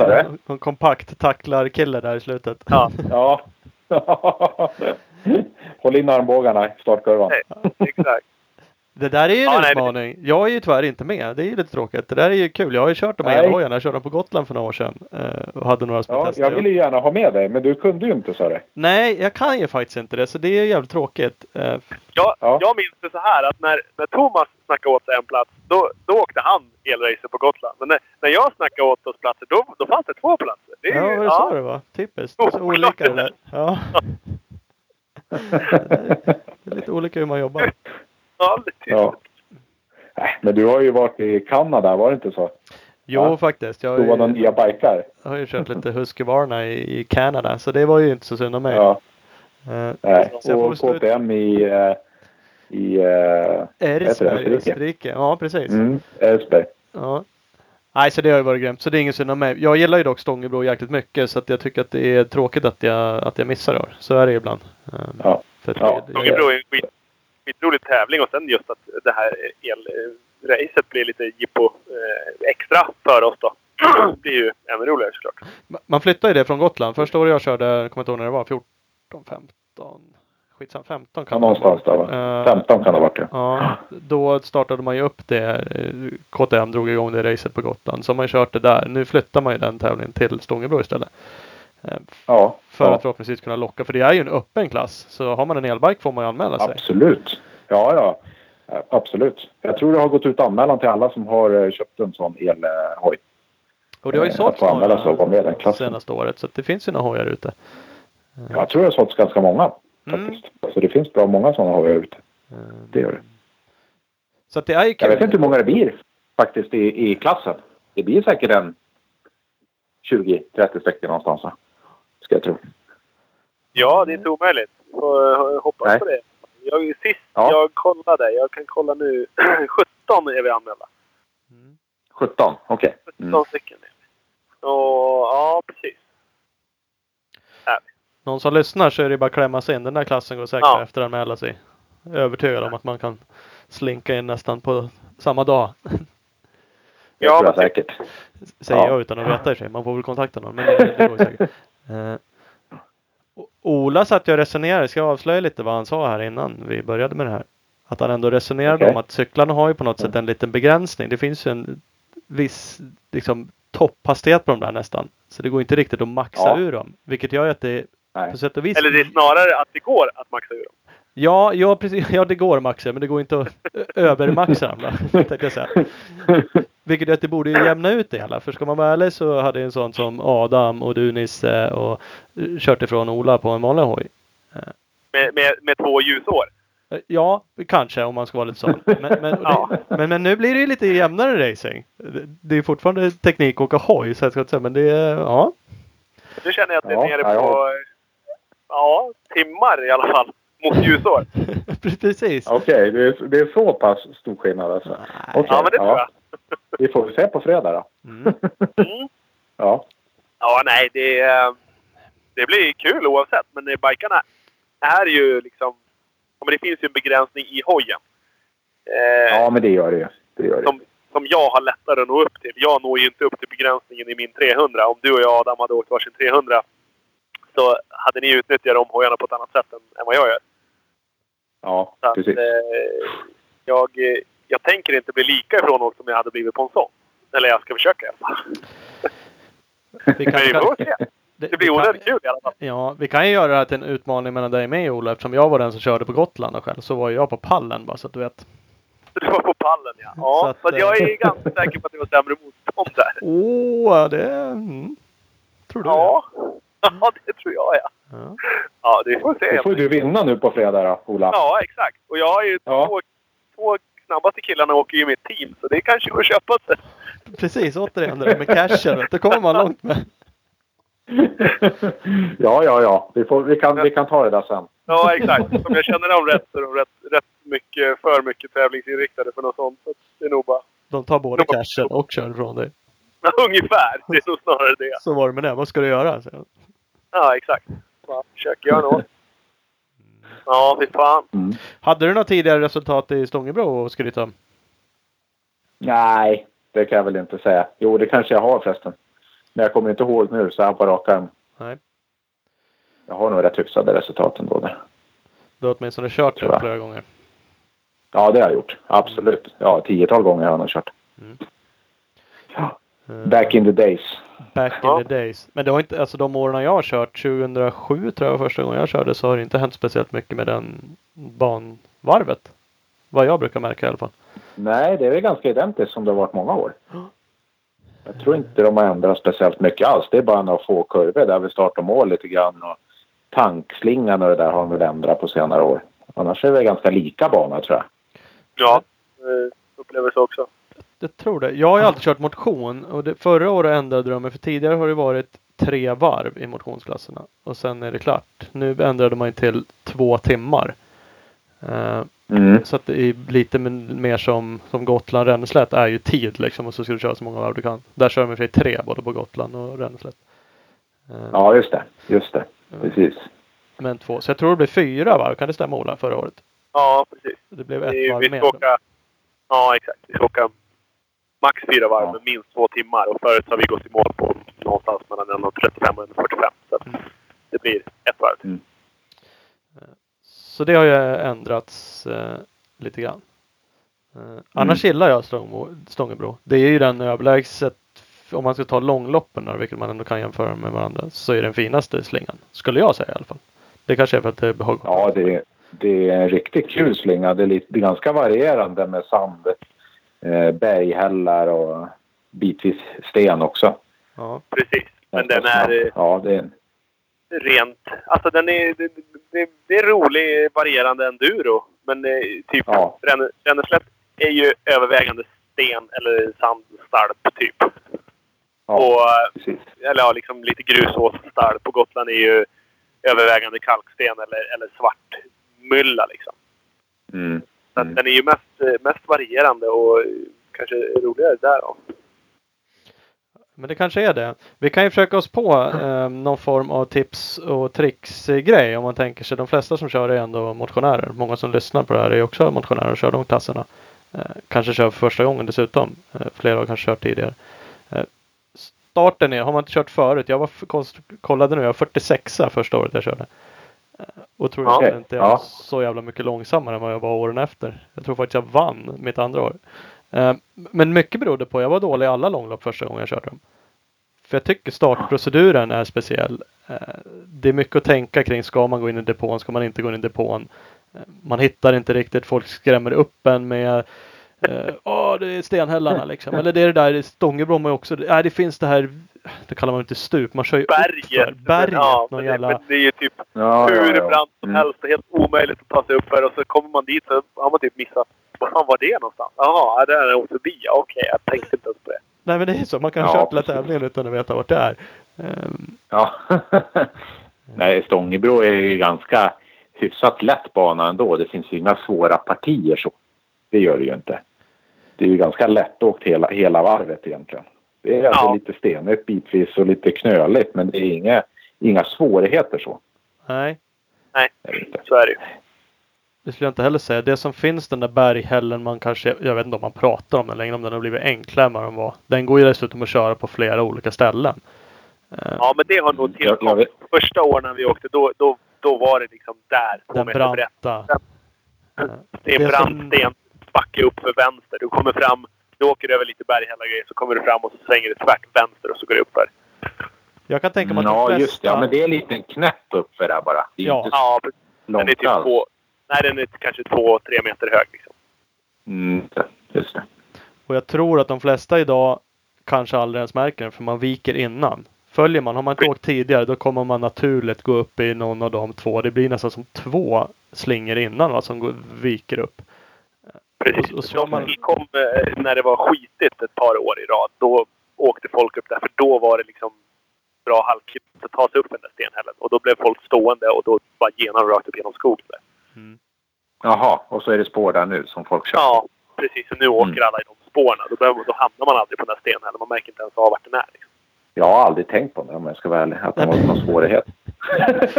Nej men det är ju inte det. Men, men det är ändå någonting Nej. som folk pratade om första året man åkte. Typ en sån grej man gick och blev nervös över. För att liksom folk hetsade kring det där. ja. Och, I Okej. alla fall jag blev. Jag ska inte säga att alla blev det. Men det Även- finns ju flera. Gotland är, Gotland är likadant. Finns det liksom någon backe där direkt efter varvningen som är lite brantare uppför den liksom. Och nere på myren och det är massa uthoppet och innan uthoppet. Och det är också sådana mm. hästskon liksom. Och de flesta av dem där är så när man väl kör igenom dem så bara jaha, oj då. Var det här? Ja, precis. Vissa Där får man ju bara titta upp och, väl, och välja rätt spår. Så att då är det ju väldigt enkelt egentligen. Då behöver man ju inte ta i någonting ens egentligen. Utan man behöver bara hitta rätt spår på sidorna och inte åka rakt i skiten. Så Jo. funkar det. Lite så är det. Eh, och som Mm. du sa Nisse så är ju Stångebro aldrig svårt på det sättet. Nu har jag aldrig kört något år när det har varit skitigt. Så det är snarare problemet att det är väldigt dammigt. För att det går. Ja, det är ofta i problem. Jag, jag har kört ett år som det regnade och kopiöst. Och då var det skitigt, må jag säga. Då var det långa lerspår och riktigt, riktigt skitigt. Men det är ju väldigt sällan egentligen. Ja, Faktiskt. Jag har också varit på något, något år så här när det har varit alltså, ställen där man tycker att här är det lite jord och, och lite gropigt. Där var det... Alltså där körde folk fast i de spåren Ja, som var. precis. I, På rake liksom. ja, precis. I, de Ja, ja. gick knappt att åka över där. Liksom. Nej, nej. Men det är ganska ovanligt. Ja, fan. Det här- Tillräckligt mycket regn Ja. så, så ändras banan. Ja, precis. Vad det annars var, Men, starten säger att jag brukar vara nervös. För du är ju alltid startsnabb Vad är tricket? ja, ja, jag är mindre nervös i starten. Det är Ja, men oftast ganska bestämt. Att, alltså, så har jag väl listat ut lite... Alltså jag tränar ju starter. Det kan jag inte sticka under stol med det. Jag, det är ju det enda jag tränar inför Stångebros är ju starter. Kondi, kondition och sånt där skit, det gör jag fan. Jag bara, bara tränar starter. Och eh, ja, det, det, det finns ju ett snitt till det med liksom. Ja. Men Ja. just, Ja, men just, det- med Stångebro, just med Stångebro skulle jag nog säga att det, det som gör att man kanske bommar starten lättast där, det är att det smäller så ända in i helvete. Ja. Man är inte Den- beredd på den höga smällen. Nej, av den smällen så är det lätt att tappa lite fokus på att man typ blir rädd och så, och så trampar man inte tillräckligt hårt på kicken som man brukar göra utan man, ja, men man tappar lite fokus, lite gnista och, och har man kickat en gång och hojen inte gick ja, då, då, då sen blir det ju bara tilt i huvudet. Då tar det en stund innan man är iväg. Så är det. Men det är ju som du säger, tränar man startar den här startproceduren så blir man ju mer och mer säker på att då kanske inte påverkar så mycket att det är den här höga smällen utan då får du igång hojen direkt. Så det är ett bra, bra tips för de som inte har kört tidigare. Träna och få igång hojen lätt på ett enkelt sätt. Och, och, och Snabbt. liksom eh, fråga runt och lista ut hur man gör och fokusera mer på att få igång hojen än att göra en snabb och, och komma iväg bra start. För att Precis. Om- om Precis. du slarvar i start för att du vill så jävla fort iväg, då kommer du tappa mera på det än om du verkligen fokuserar på att göra en bra start och starta hojen. För den, sen när hojen väl går, då kan du tappa en halv sekund på att släppa ut kopplingen eller lägga i växeln och släppa ut. Det spelar ingen roll. Men får du inte Nej. biken, ja då har du tappat mer. Exakt. Exakt. Kickar du alltid. Ola? Nu har ju du eh, 300. Så du har ju både kick och elstart. Du har ju kört Eh, den i många ja. år i alla fall. Ja, förra året så åkte jag ju 350 Husqvarna. Då hade jag ju ingen kick, vill jag minnas. Eller hade vi kick på dem? Jo, det hade vi nog också. Nästa, alltid när jag åkt fyrtakt så har jag- och, och, och haft elstart så har jag kickat och kört elstart samtidigt. När jag kör 300 nu så kör jag bara elstart. Ja, det gör det. Mm. Ja, det gör jag. Men jag har ju tagit fyra eller fem starter. Om inte annat så har jag varit först ur skogen de andra gångerna liksom, ja, på fem år. Har jag inte varit först in i kurvan så har jag varit först förbi varvning. Så att, eh, Men det är skitbra att använda både kick och e-start samtidigt. Då är man nästan säker på att den startar. då går den. Liksom. Och då är det Då går det. Då får man riktigt snurr i motorn och hoppar den igång direkt. Precis, och då kan man ha växel i också. Ja, ja precis. Tricks, ett annat trick där är att ha kopplingen indragen. Från att du varmkör hojen tills du stänger av den så har man kopplingen indragen och växeln i och så rullar man hojen lite fram och tillbaka så att lamellerna släpper från varandra. Då, då är det liksom, har du, de oljekladdar ihop sig så är det lättare att de går tyngre. Det ska dra med liksom mera grejer i, i växellådan typ. Mm. Men har du dragit in kopplingen och rullat hojen fram och tillbaka några gånger, då, då är det lättare också. Så det är också ett, ett trick. Det, finns lite sådana trick, men allt sånt här är som sagt, ska man både köra elstart och kicka samtidigt, då är, lär man ju träna lite på det också. Ja, alltså man, man, Och- det här har man ju nytta av om man har testat det några gånger. Ja, det lär man göra. Absolut. Många gånger. Ja, 20, 30, 40, 50 gånger. Så man vet att det verkligen sitter på första. ja och det är till och med så att jag har tajmat hur lång tid jag värmer, varmkör hojen. Från kall hoj, vilket den är på, när den står på startrakan, till de säger Ja. Nu, får du, nu får ni starta och varmköra hojarna. Ja, då har jag liksom klockat att typ 45 sekunder in, så här länge behöver jag varmköra hojen, känner på kylan att så här varm ska den kännas. Då startar den Mm. rätt. Precis. Så, men, men då är jag oftast med i starten. Så det är ju, ja.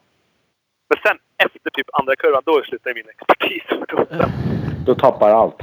ja, men lite så. Då blir du Jag är- 150 man direkt. Ja, men typ. Nej, men jag hittar min, jag hittar min gimmick i alla fall. Ja, precis.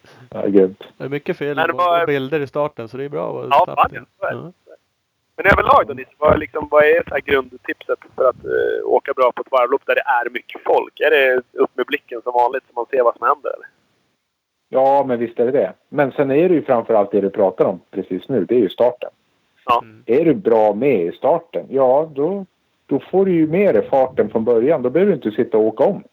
Nej. Utan då är du ju redan med där. Sen kan du ju tappa några placeringar och lägga dig rätt i kön i den farten du har.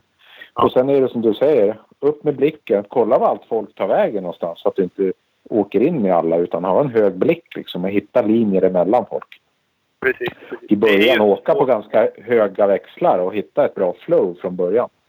Ja. Så man inte ligger rakt i spruten liksom, om det är skitigt till exempel och blir nedstängt direkt. Det är ju inte roligt.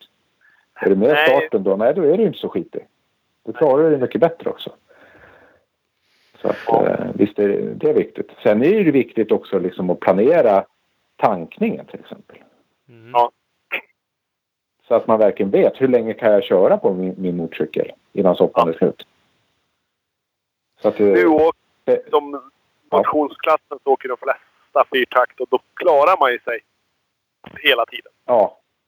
ja Men åker man tvåtakt då lär, man, då lär man passa in. Eller ni i elitklassen är ju tvungna att ha två depåstopp. Ja, precis. Så att, men, men just motionsklassen, alltså, då eh, åker man fyrtakt då klarar man som regel att åka hela. Om man har en endurobike. Har du en 250 fyrtakts cross så ja, då kommer det nog inte räcka. Nej, då kan det bli svårt det att räcka. Och återigen lär man ju kanske testa det. Ju mer man testar ju lugnare blir man. För jag har ju, jag har ju kommit till start någon gång och inte vetat liksom. Och, och förra året tror jag också det var så på 350 enduron vi åkte. Jag hade nog Ja. inte kört den så jag var helt hundra. Så det var så okej in, inte in. Jag ställde till och med ut en soppadunk liksom. För att Ja, jag skulle bestämma ja. mig under racet. Men det där skapar ju en jävla stress liksom. Nej. Det där ska du ha bestämt innan så du ska ju veta hur länge du kan köra. Och bestämt innan. Jag kör två varv eller jag kör tre varv på tanken. ja. Och, och det kan gäller ju alla. Även under som. Och då vet ju, då vet ju servicepersonalen också som du eventuellt har med dig när du går in. Och då kan du få full, full hjälp då. Och det ska ju gå fort då, inte hålla på och strula med glasögon och grejer. Utan då ska ju glasögon, handskar om det behövs vara färdigt allting och bara byta direkt. ja. Snabbt, enkelt. Det, det värsta som kan finnas i det läget är att man har servicepersonal, man har allting fix och färdigt. Det är bara att när man väl kommer in då står de typ 200 meter bort och kollar och letar efter den. Vart fan är man någonstans? Det är en Ja, underbar fil. Det är inte så kul. Men har du bestämt efter två, timmar, två varv att du kommer in, ja då vet Ja. du om att du kommer. Då står ju de där. Förhoppningsvis. Annars är det läge om inte de står och dricker pilsner i öltältet. mm, ja, men det vet man. Det beror på hur seriöst det på personal man har med. Ja, Precis, det är det precis. som är det värsta. Nej men det är så, och även om man kör motionsklassen och inte räknar med att, att vinna så är det ju det här Ja, det skapar ju mindre stress. Du kan ju fokusera helt klart på andra saker om du har bestämt det här innan och du har din depåpersonal. Du vet var du har ställt din dunk. Du vet att du går in på andra varvet som du säger. Eh, Du vet, då är man ju lugn. Då kan man ju fokusera på, inte vet jag, starten då, som alltid kanske är ett visst stressmoment liksom. Och, Mm, precis. Sen tror jag också att det blir roligare om man gör det från början. Att man har lite bättre planerat. Absolut. Absolut. Så att man inte Ja. tar allt på en Ja. höffa och tycker att Nej, men det här blir bra. Och så, och så tycker man... För då när man åker därifrån så kommer man tycka att fan, det där hade ju kunnat gått bättre om jag liksom hade gjort det på ett annat sätt. Ja, precis. precis. ja, det, det kan ju vara en rolig grej Ja, det- inför också, själva träningsmässigt. Att faktiskt sätta upp en plan för sånt där och fundera lite på det. Och köra det här träningspasset där man faktiskt kör soppatorsk liksom. Och exakt vet hur långt hojen går. Och, Exakt. Precis. Du, precis. Då vet du på minuten hur länge du kan köra på din tank. Och det, det gjorde ju vi mycket när vi körde långloppen. Vi visste exakt hur, hur många liter han drog i timmen. ja. Och sen skiljer det ganska mycket på hur mycket bränsle han drar. Om det är sandbana eller om det är hårt som på Gotland eller om det är skitigt. Och det är ju ganska stor skillnad kan det vara i bränsleförbrukning och vilken typ av är. Ja. Ja. Så det lär man ju ta reda på innan. Ja. Ja. Eller man kan, ju köra, man kan ju köra som jag gjorde. Jag körde ofta en timme. Kör du en timme och så kan du åka på olika banor. Och så kan du mäta exakt hur mycket soppa får i efter en timme. Du vet exakt hur mycket han drar per timme. Sen vet du hur stor tanken är. Den har ju också mätt. Man litar inte på att det står 9,5 liter i instruktionsmanualen. Det kan ju lika bra vara 9 eller 10 liter. Det vet man inte riktigt. Så det lär man ta reda på också. Precis. Jag, eh, jag har en riktigt historia av att när jag meckade åt Mackan Åhlén, då, då blåste vi ut tanken på hans sucka för att det skulle räcka på VM-heaterna när vi åkte sandbana. Ja, just det. Mm. Så, så kunde man blåsa ut den, tryckluft och värmluftstol och värma den på vissa ställen där man ville att den skulle svälla lite. Då fick man i liksom 6 deciliter till om man gjorde det riktigt Ja. över. Ja, det, det, det Precis. kunde ju vara avgörande. Det gjorde jag på min Honda när jag körde Ja. 254-takten. När vi körde långloppen. Då, eh, som du säger, då värmde vi med pistol, fyllde den med luft och värmde upp den. Eh, då fick jag ungefär en halv liter till. Och då räckte det ju precis Ja. till det jag ville. Ja, Ja. Den där lilla, lilla volymen till som vi fick då. Ja men är det så lite Så det, så är, ett- det är ett smart sätt. Ja men det är ju det. Och det finns ju stortankar att köpa men de är, kostar ju en slant liksom om man nu vill göra det. Jag har ju åkt med någon tank som jag satte på styret en gång när jag åkte 450 cross. Ja, Skitful Ja. var den ju. Men funkade Ja, och ganska inte billigt. fult. Det- och fungerade bra. Eh, Ja, det är inte bara fult, det kan vara ganska o... Alltså hojen kan bli väldigt konstig när den är tankad då. ja det lär man också. hojen. Precis så kan det vara. Man lär ju också träna Ja, lite det. Den ja. var ju liksom sådär så den tömde ju den först. liksom den sög ju över Ja, soppan precis. ner i tanken. Så att till slut Mm. var den ju tom och ganska, då vägde den inte så mycket. Men absolut, det har du ju helt rätt i. Ja, Eh, ja det du får som bra jobbar mycket tryck då på framhjulet.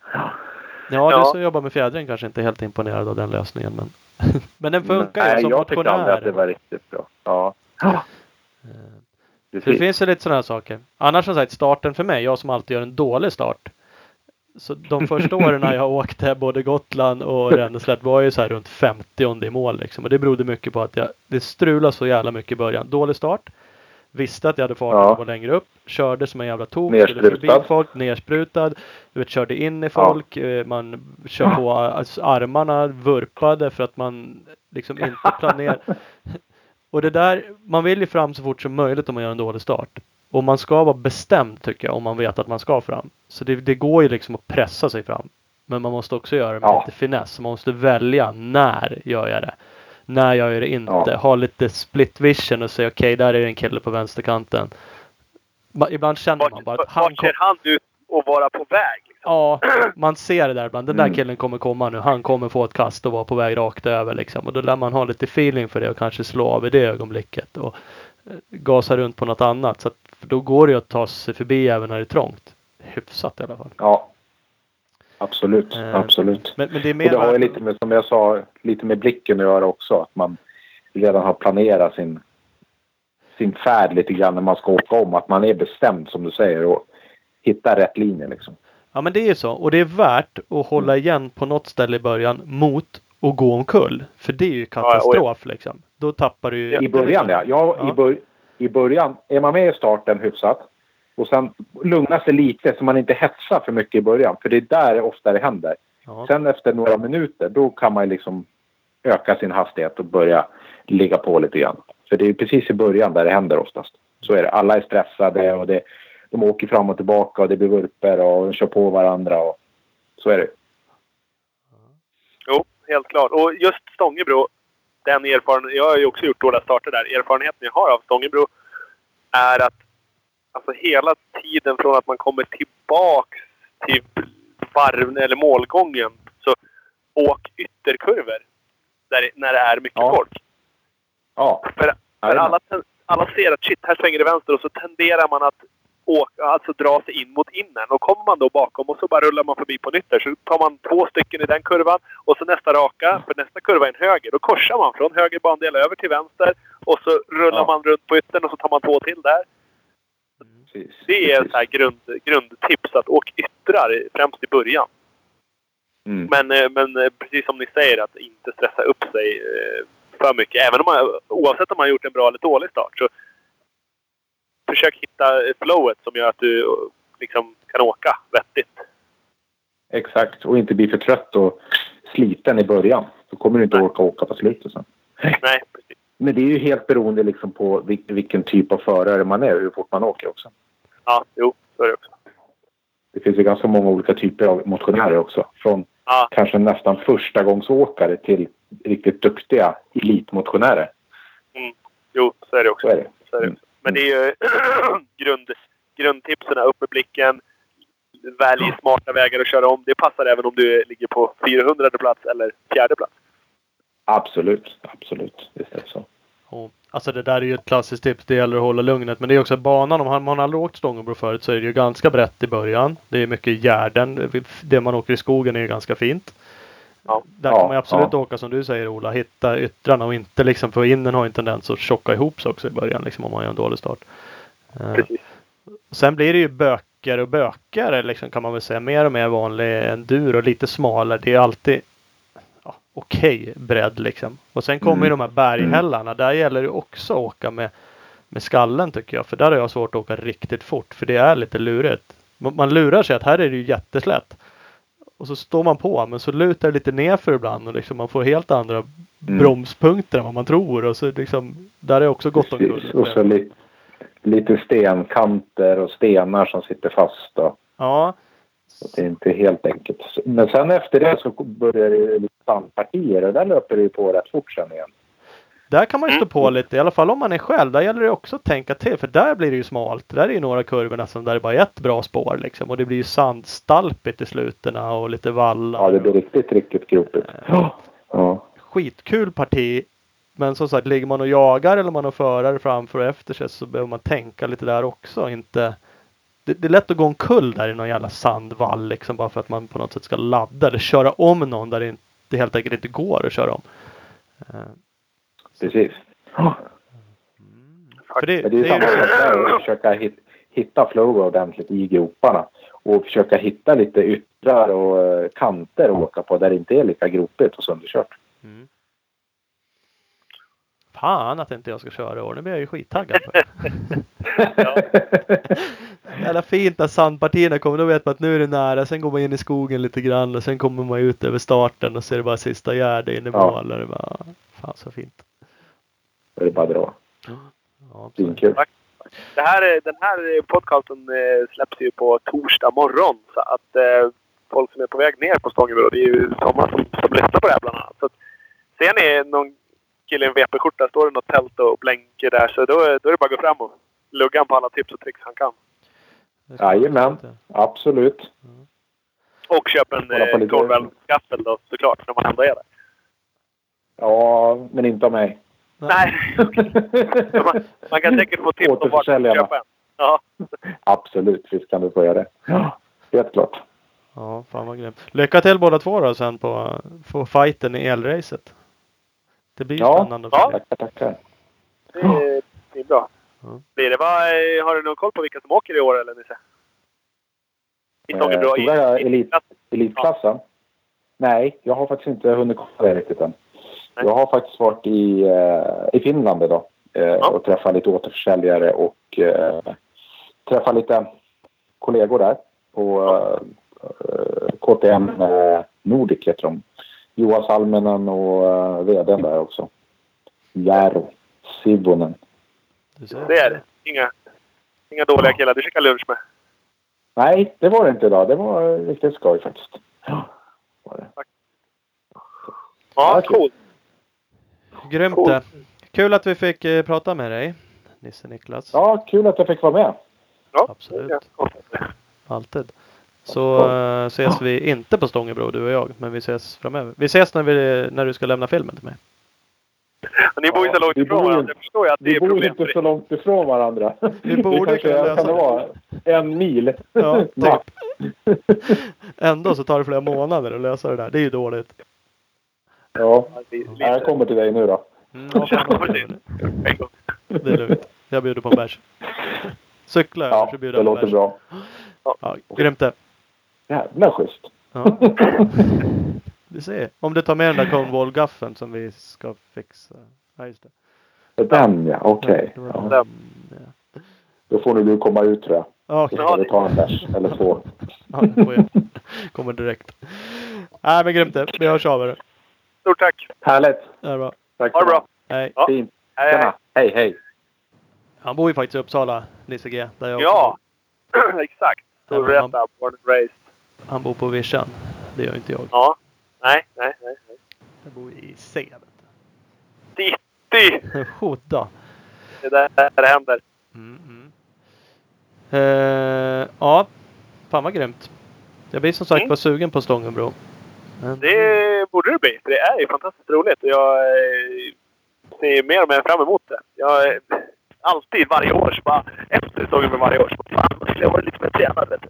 Och eh, sen inför Stångebro varje år så ja men fan det här är lugnt fast man är ju alltid tränad i alla fall. Nej, man är ju inte det. Man tänker som sagt på varje år att man ska vara så jävla förberedd. Men, Ja. Men men. men Så är det. som sagt, jag tyckte ju för, jag har alltid tyckt Stångenbro är jäkligt kul. Jag har tyckt att en rolig grej för mig, apropå otränad, har ju varit att det har varit förhållandevis kort körtid. Eller väldigt kort jämfört med de andra långloppen. Exakt. Det har ju varit fördelen. 1.35, 1.45. Det är ju på något vis hanterbart eh, för oss som har liksom skaplig rull och, och, och är relativt otränade. Ja, det är ju det. Eh, Men nu är det ett varv till. Så det blir ju Ja, det är över fan- två timmar. Jag kommer inte ihåg vad det Ja, var det- sluttid förra året. Men det... Nej, det är över två timmar. Det är skillnad alltså. Man, det är ju sällan man har varit pigg när man går till mål efter tre varv och då bara elda ut på ett fjärde. Eh, Ja, det är inte helt, helt bara. Nej, det är inte det. Samtidigt förstår jag, en tanke tror jag är att de vill få det eftersom det är en, eh, en Klassiker. enduro-klassiker så ska de vara mer likvärdiga. Liksom. Precis. så att det är väl ett vettigt tänk. Faktiskt. Det köper jag. Eh, Ja, fan vad grymt. Ska vi, Ja. vi, vi har ju redan avslöjat att vi ska prata med Patrik Erlandsson om uh, Top Exakt. Secret. Apropå, eh, apropå klassikertävlingar så kommer de på konkurrens. Men det ska vi eh, höra nästa. Ja. Yes! Berätta om. Oh, vi ringer Patrick. Yes. Hej. Hallå! Patrik Erlandsson! Tjena, tjena. Tjenare, hur är läget? Jo, men det är fint. Mm. Och det Skönt. sitter, sitter och, och spånar lite på, eh, på min hemsida. Ja. Ja. Så det blir ja, ja, det är fan lite breaking news här. Jag tänkte släppa lite så ni får, eh, får endurovärdet något att snacka om. Precis. Ja, det är det den, bra. den nya, nya hemliga hemsidan du sitter och filar på nu eller? Ja, precis. Eh, vi kommer ju starta ett nytt varvlopp här på västkusten som heter Hard Race Enduro. Och den hemsidan släpps på fredag. Anmälan öppnar på fredag. Ja, allt liksom eh, är klart, eh, redo att släppas. Så att, eh, vi sitter och finjusterar det sista kan man säga. Ja. Ja. Så det är lite, lite, ja, eh, det, det är lite spännande att, att vara med och starta igång någonting nytt projekt eh, när man har så gott om tid. Precis. ja. Men det är alltså fredag 7 juli vi pratar. ja, exakt. Fredag den 7 juli då släpper vi hemsidan. Vi öppnar anmälan på Svim och TA. Vi kör ut pressreleaser. Eh, man kan lyssna på eran podd. Här eh, Race kör eh, alla, ja, My Newsdesk, eh, pressrelease, all, alla, alla mediala vägar man kan ta. Eh, vi har eh, klart med en huvudsponsor eh, som också kommer hjälpa oss att marknadsföra eh, vårt event då. Så, så Ja. det, det är lite kul och ja, det, det, det, ja, det, jag, jag har hållit på ett tag med ett beachrace som höll på att bli av i Falkenberg. Ja. Men eh, det vart stopp in i det sista där när, när en politiker mutade någon polis och säga nej, nej, den vägen får ni inte köra på. Så vi fick ju avslag på den här endurotävlingen, i, eller beachracet, på grund av ett polistillstånd. Att vi fick inte köra fram till stranden. så. Det lät så sjukt konstigt. Just den anledningen. Men ja. Ja, och det, det hade varit bra om alla miljönissar och allting var emot oss. Och det var de lite i början. Men helt plötsligt var de med oss. Men sen sa polisen nej i slutet. Så det känns som att det var ett politiskt rävspel bakom det, det nejet vi fick där. Så att, säga. ja. Att eh, poli, polisen... Ja, visst. Ja. stå för ansvaret av det dåliga beslutet liksom. Det var de som fick ta det i hundhuvudet. Ja, exakt, exakt. Det kändes som att vi säger till polisen för det kommer ingen ifrågasätta om de säger nej. Men eh, det, det naturliga hade varit att miljönämnden sa nej där nere, men det gjorde de inte. Så då hade vi en plan B som vi ville göra eh, och då hamnade vi så att vi hyrde ett flygfält, Hovby flygfält i Lidköping kommer det här varvloppet gå av. Och eh, det är jag och Staffan Bergman som gör det tillsammans. Eh, och, Bergman är ju en, en kreativ herre i sina bästa år. Strax över 70 har ju energi som, som jag är imponerad av. Så det är lite kul och då tyckte vi att vi måste hitta på någonting här och, vi tänkte starta västra Sveriges häftigaste varv, varvlopp helt enkelt. Ja. Eh, med, lite ny, med lite nytänk i liksom. Vad, vad, varför ska man komma till oss och köra? Vad är det som är så speciellt med den här hard race enduro då liksom? Det, det dels så har vi en, en unik gräsbana liksom. Banan kommer vara som en klippt golfbana kan man säga. Det är otroligt fin gräsområde. Vi kommer åka i, i ljudvallar, vi kommer åka i en björkskog, vi kommer ha lite motardinslag för vi har lite asfalt att åka på. Eh, och vi kommer ha spektakulära hinder på bästa publikplats vid eh, hangarbyggnader kan man säga. Där kommer det vara sju stycken extremhinder eh, där man Ja. då ska ta sig över. Och vill man inte det så finns ett alternativslinga som är plastat i rosa. Så det är helt okej att ta. Inga konstigheter. Det går jättebra. Det är bara att ta vänster och köra den rosa slingan om du inte känner att du vill komma över de här hindren. Ja. Och där längs den rosa slingan står flest fotografer. Jajamensan, det är automatiskt så. Du vet som när du åker en berg eller sån här berg på Liseberg så blir det automatiskt ett kort taget och det kan du köpa efteråt annars publiceras det på nätet under enduro fail. Ja, Ja, skönt. Ja, alltså det, det är lite fräckt. Så det, det är liksom en, ett nytt varvlopp på västkusten tre veckor innan GGN. Bra genrep. Eh, otroligt mycket enduroförare i området kan man säga. Skaraborg, Skövde, Lidköping. Det måste vara mest endurolicenser i landet. Eh, så det, det, är lite, lite häftigt att kunna mm, försöka skapa ett, ett nytt endurolopp. Och sen kan man ju fråga, finns det plats för det? Ja, jag tror det. Eh, för att vi, vi ligger lite nära eh, folket. det är lite unikt, som man säger. Liksom, området är unikt. En flygplats är ganska häftigt. Liksom. Ja, för, för elit, för motionärer, för juniorer liksom. Och mitt motto är lite liksom the most fun of the year liksom. Så det, liksom, lite, det ska vara grymt häftigt eh, race och kul att få köra liksom. Så det, ehm, Det, det är ju skit. Det är alltid kul med nya grejer och det låter ju sjukt kul det där. Eh, Mm. Tre veckor innan GGN, är det något datum exakt satt för? 7, 7 oktober kommer vi köra. Så det är då veck, veckan innan stadionenduron och det är nog sagt var några veckor innan eh, GGN och vi kommer ha en prispott på närmare 25 000 så att segraren i Elite Junior-heatet kommer gå hem med en riktigt stor prispott här på över 15 000 kronor så att eh, vi nämnde lite i förbifarten i Borås för Ljunggren och han bara spärrade upp ögonen direkt. Jag kommer. Ja. Eh, så, så att eh, jag tror att vi kan få upp ett ganska tufft startfält också. Eh, det kommer inte gynna enduro-killen fullt ut om man säger så. För det är mycket gräs liksom och det betyder att en crossåkare kan också hävda sig. Och vi vill ju ha tuff racing och, och frän, fräna hit. Eller fräna hit, det är två och en halv timme vi ska köra så det, det är ett långt hit liksom. Ja. Ja. Det ska, lite, lite sådär liksom gratis inträde. Eh, kom och kolla. Eh, vi kommer även då ha en, en, en endurofest, eller sagt en hangarfest. Eh, fest i hangaren, oktoberfest i Lidköping. Där kommer naturligtvis prisutdelningen vara på kvällen också. Eh, den, den, du ska kunna gå lite som lokal Lidköpingsbo ur ditt hus och gå på oktoberfest också. Du kanske inte vill komma och kolla på enduron och du kanske vill gå och ta en öl med din kompis och, och lyssna med, när lite schyssta tjejer sjunger. Eh, så det är lite, vi vi har liksom dragit på en lite ganska kaxig fräck fest som, som, som en liten pricken över i. Eh, så det, det, ja, det är lite, lite annorlunda. Och sen finns det ett tredje ben i det här också. Det är något som heter Shape Hoy och det är en tjej-community som ska ha en hangar och träna och föreläsningar, kost och, och grejer. Eh, yoga för, ja, mm, det mesta liksom. Men det ska vi presentera lite senare när vi när vi har klart exakt vad det händer i den hangaren. Men tanken är att det är tre event i eventet i sig. Eh, på en ganska frän, fränt ställe. Hovby flygfält i Lidköping 7 oktober.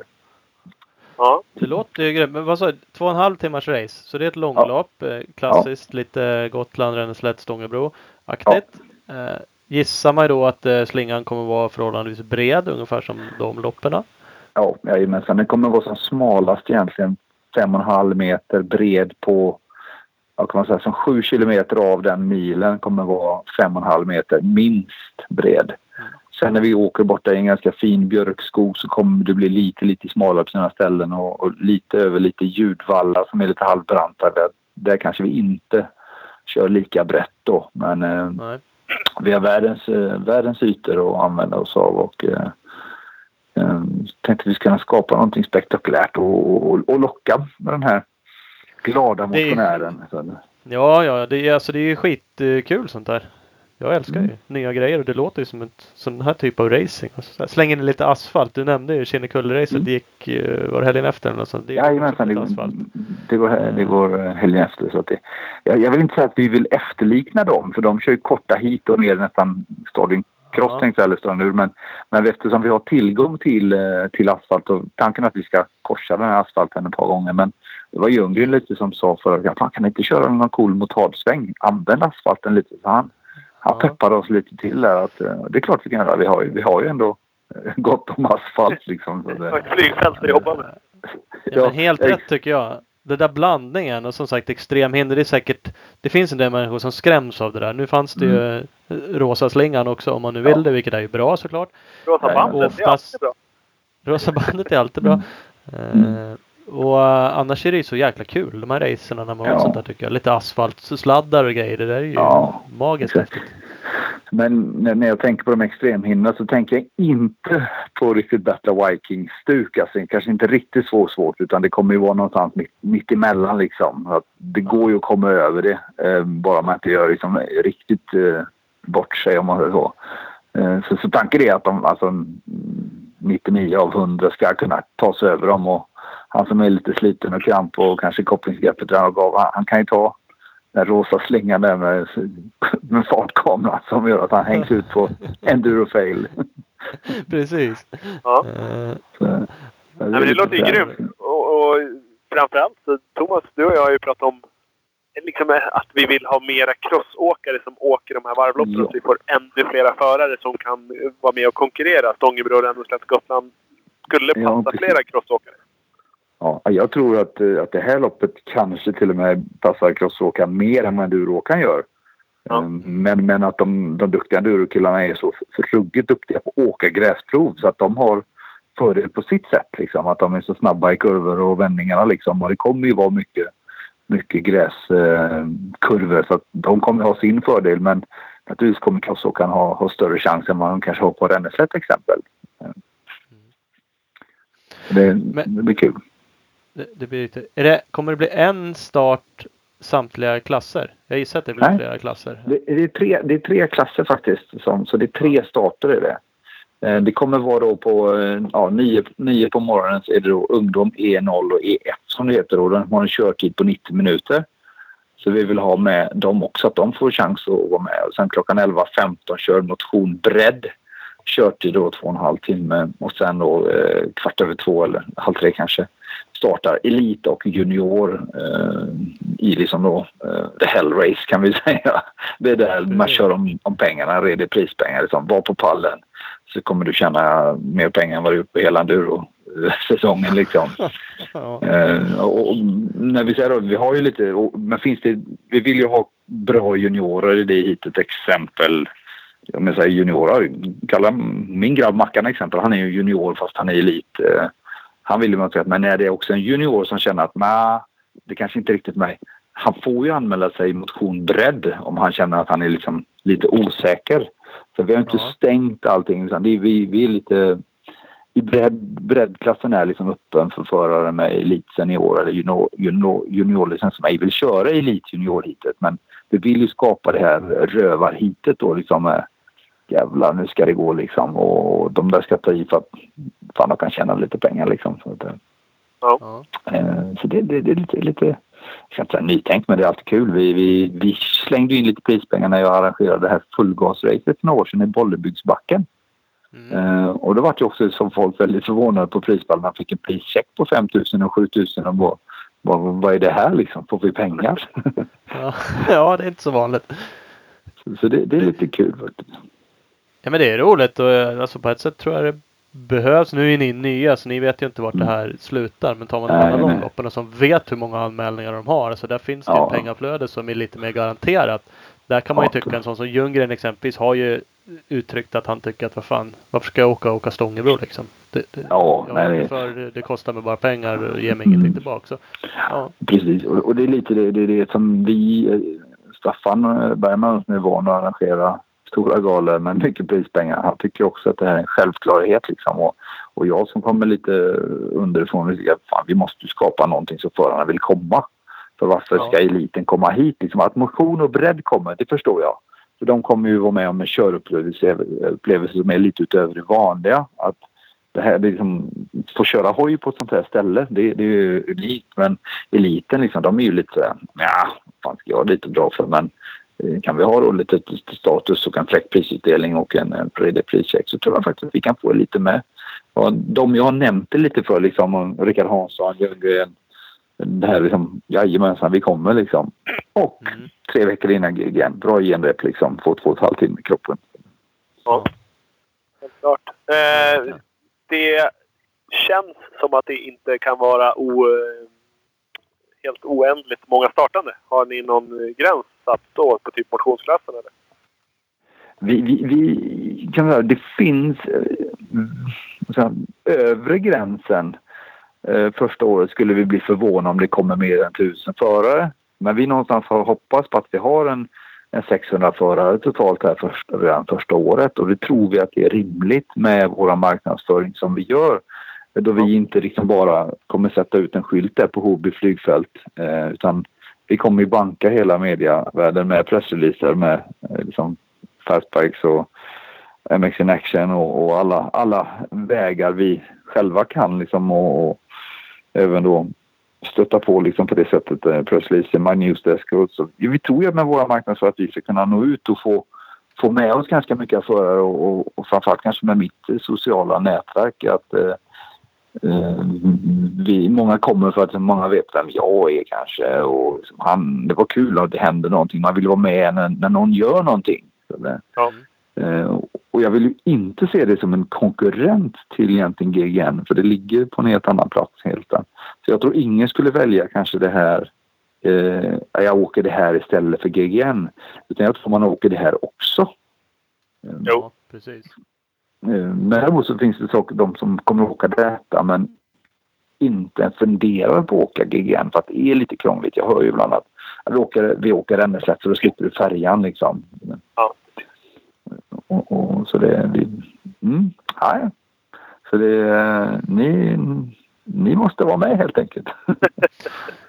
Ja, ja. ja nej, det låter ju sjukt kul. Jag kommer gärna köra. Jag är faktiskt GGN är ju mer eller mindre hundra inplanerat för mig och det är som Ja. du säger. Det är en bra genomkörare till det om inte annat. Så att, eh, Och du, du eh, Thomas är ju- har ju en skalp också som jag och Ola gärna vill plocka så vi måste ju möta dig flera gånger i år. ja, precis. Det är så. Med era podcastutmaningar bara. Ja, precis. exakt, exakt. Kommer du vara med och köra det här då? Har du tid med det? Ja, jag tror att det kan bli svårt för mig att vara med och köra faktiskt.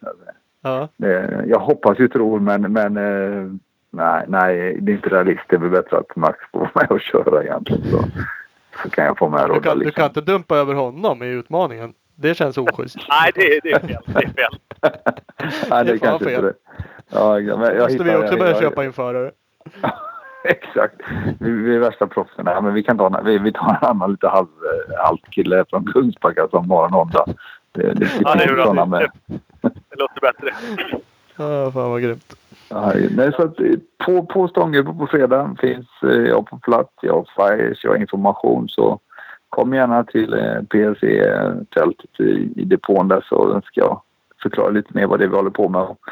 Eh, så det ska bli lite kul att få träffa folket och sprida ut att nu kör vi liksom. Kolla här vad vi gör.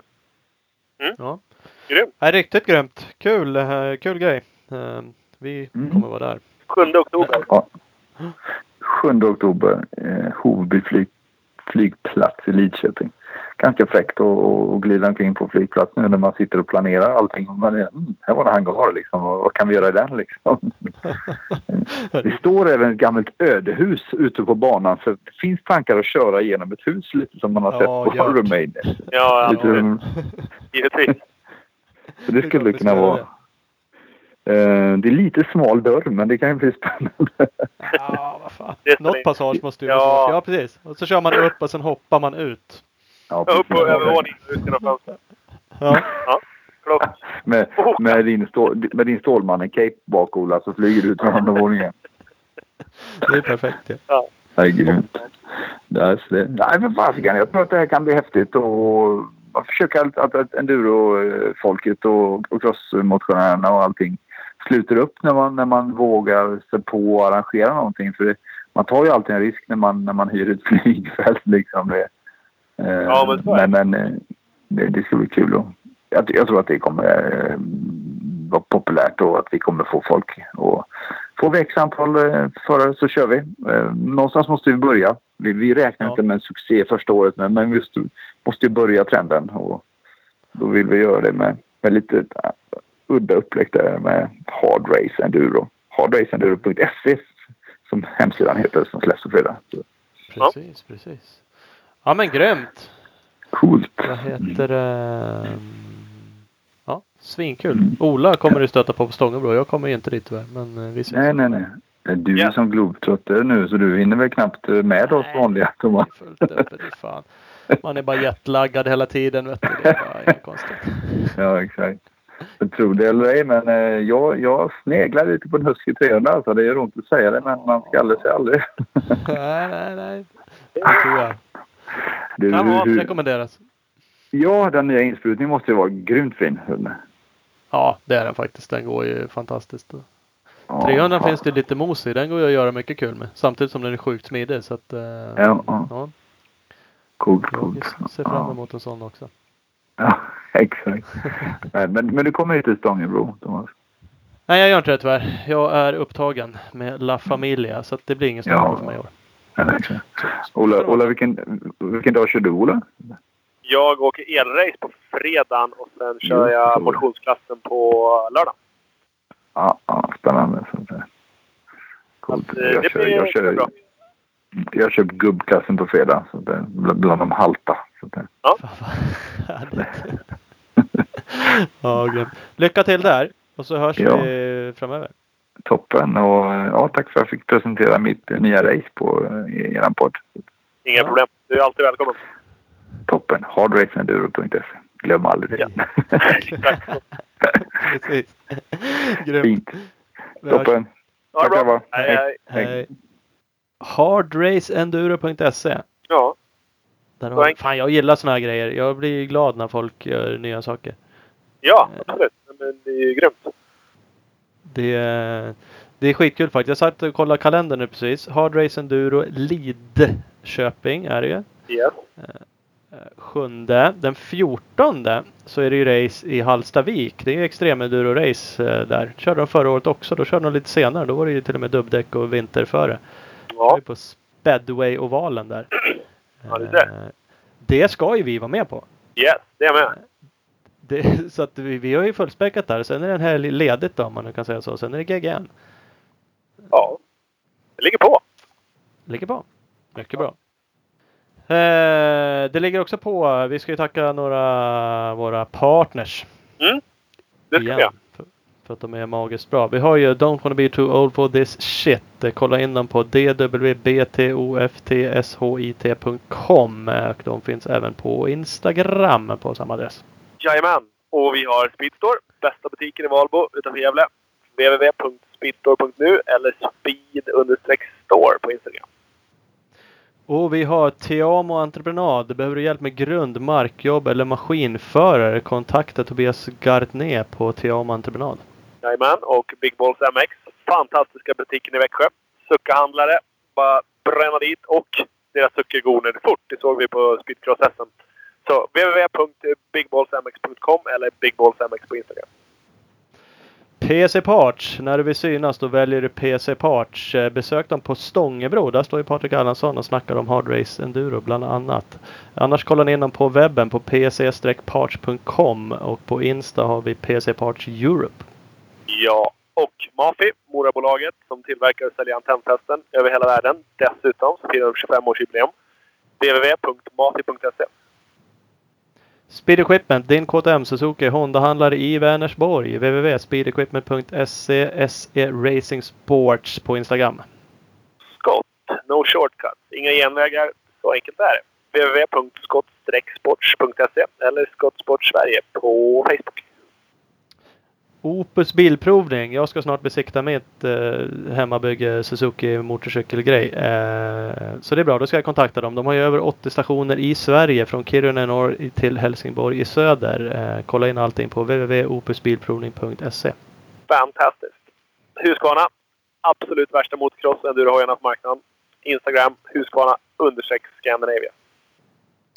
Och också BioClean Bike Wash. Klart bästa tvättmedel till din cross och endurobike. Nu har de även filtertvättmedel på gång. Så kolla in dem på Facebook eh, och man kan även gå in och beställa tvättmedel på eh, www.bikewash.se. Ja, Där har vi det! då är det med det. Avsnitt Ja. 84 i graven. Lysande. Yes. Tack och hej. Hej, hej!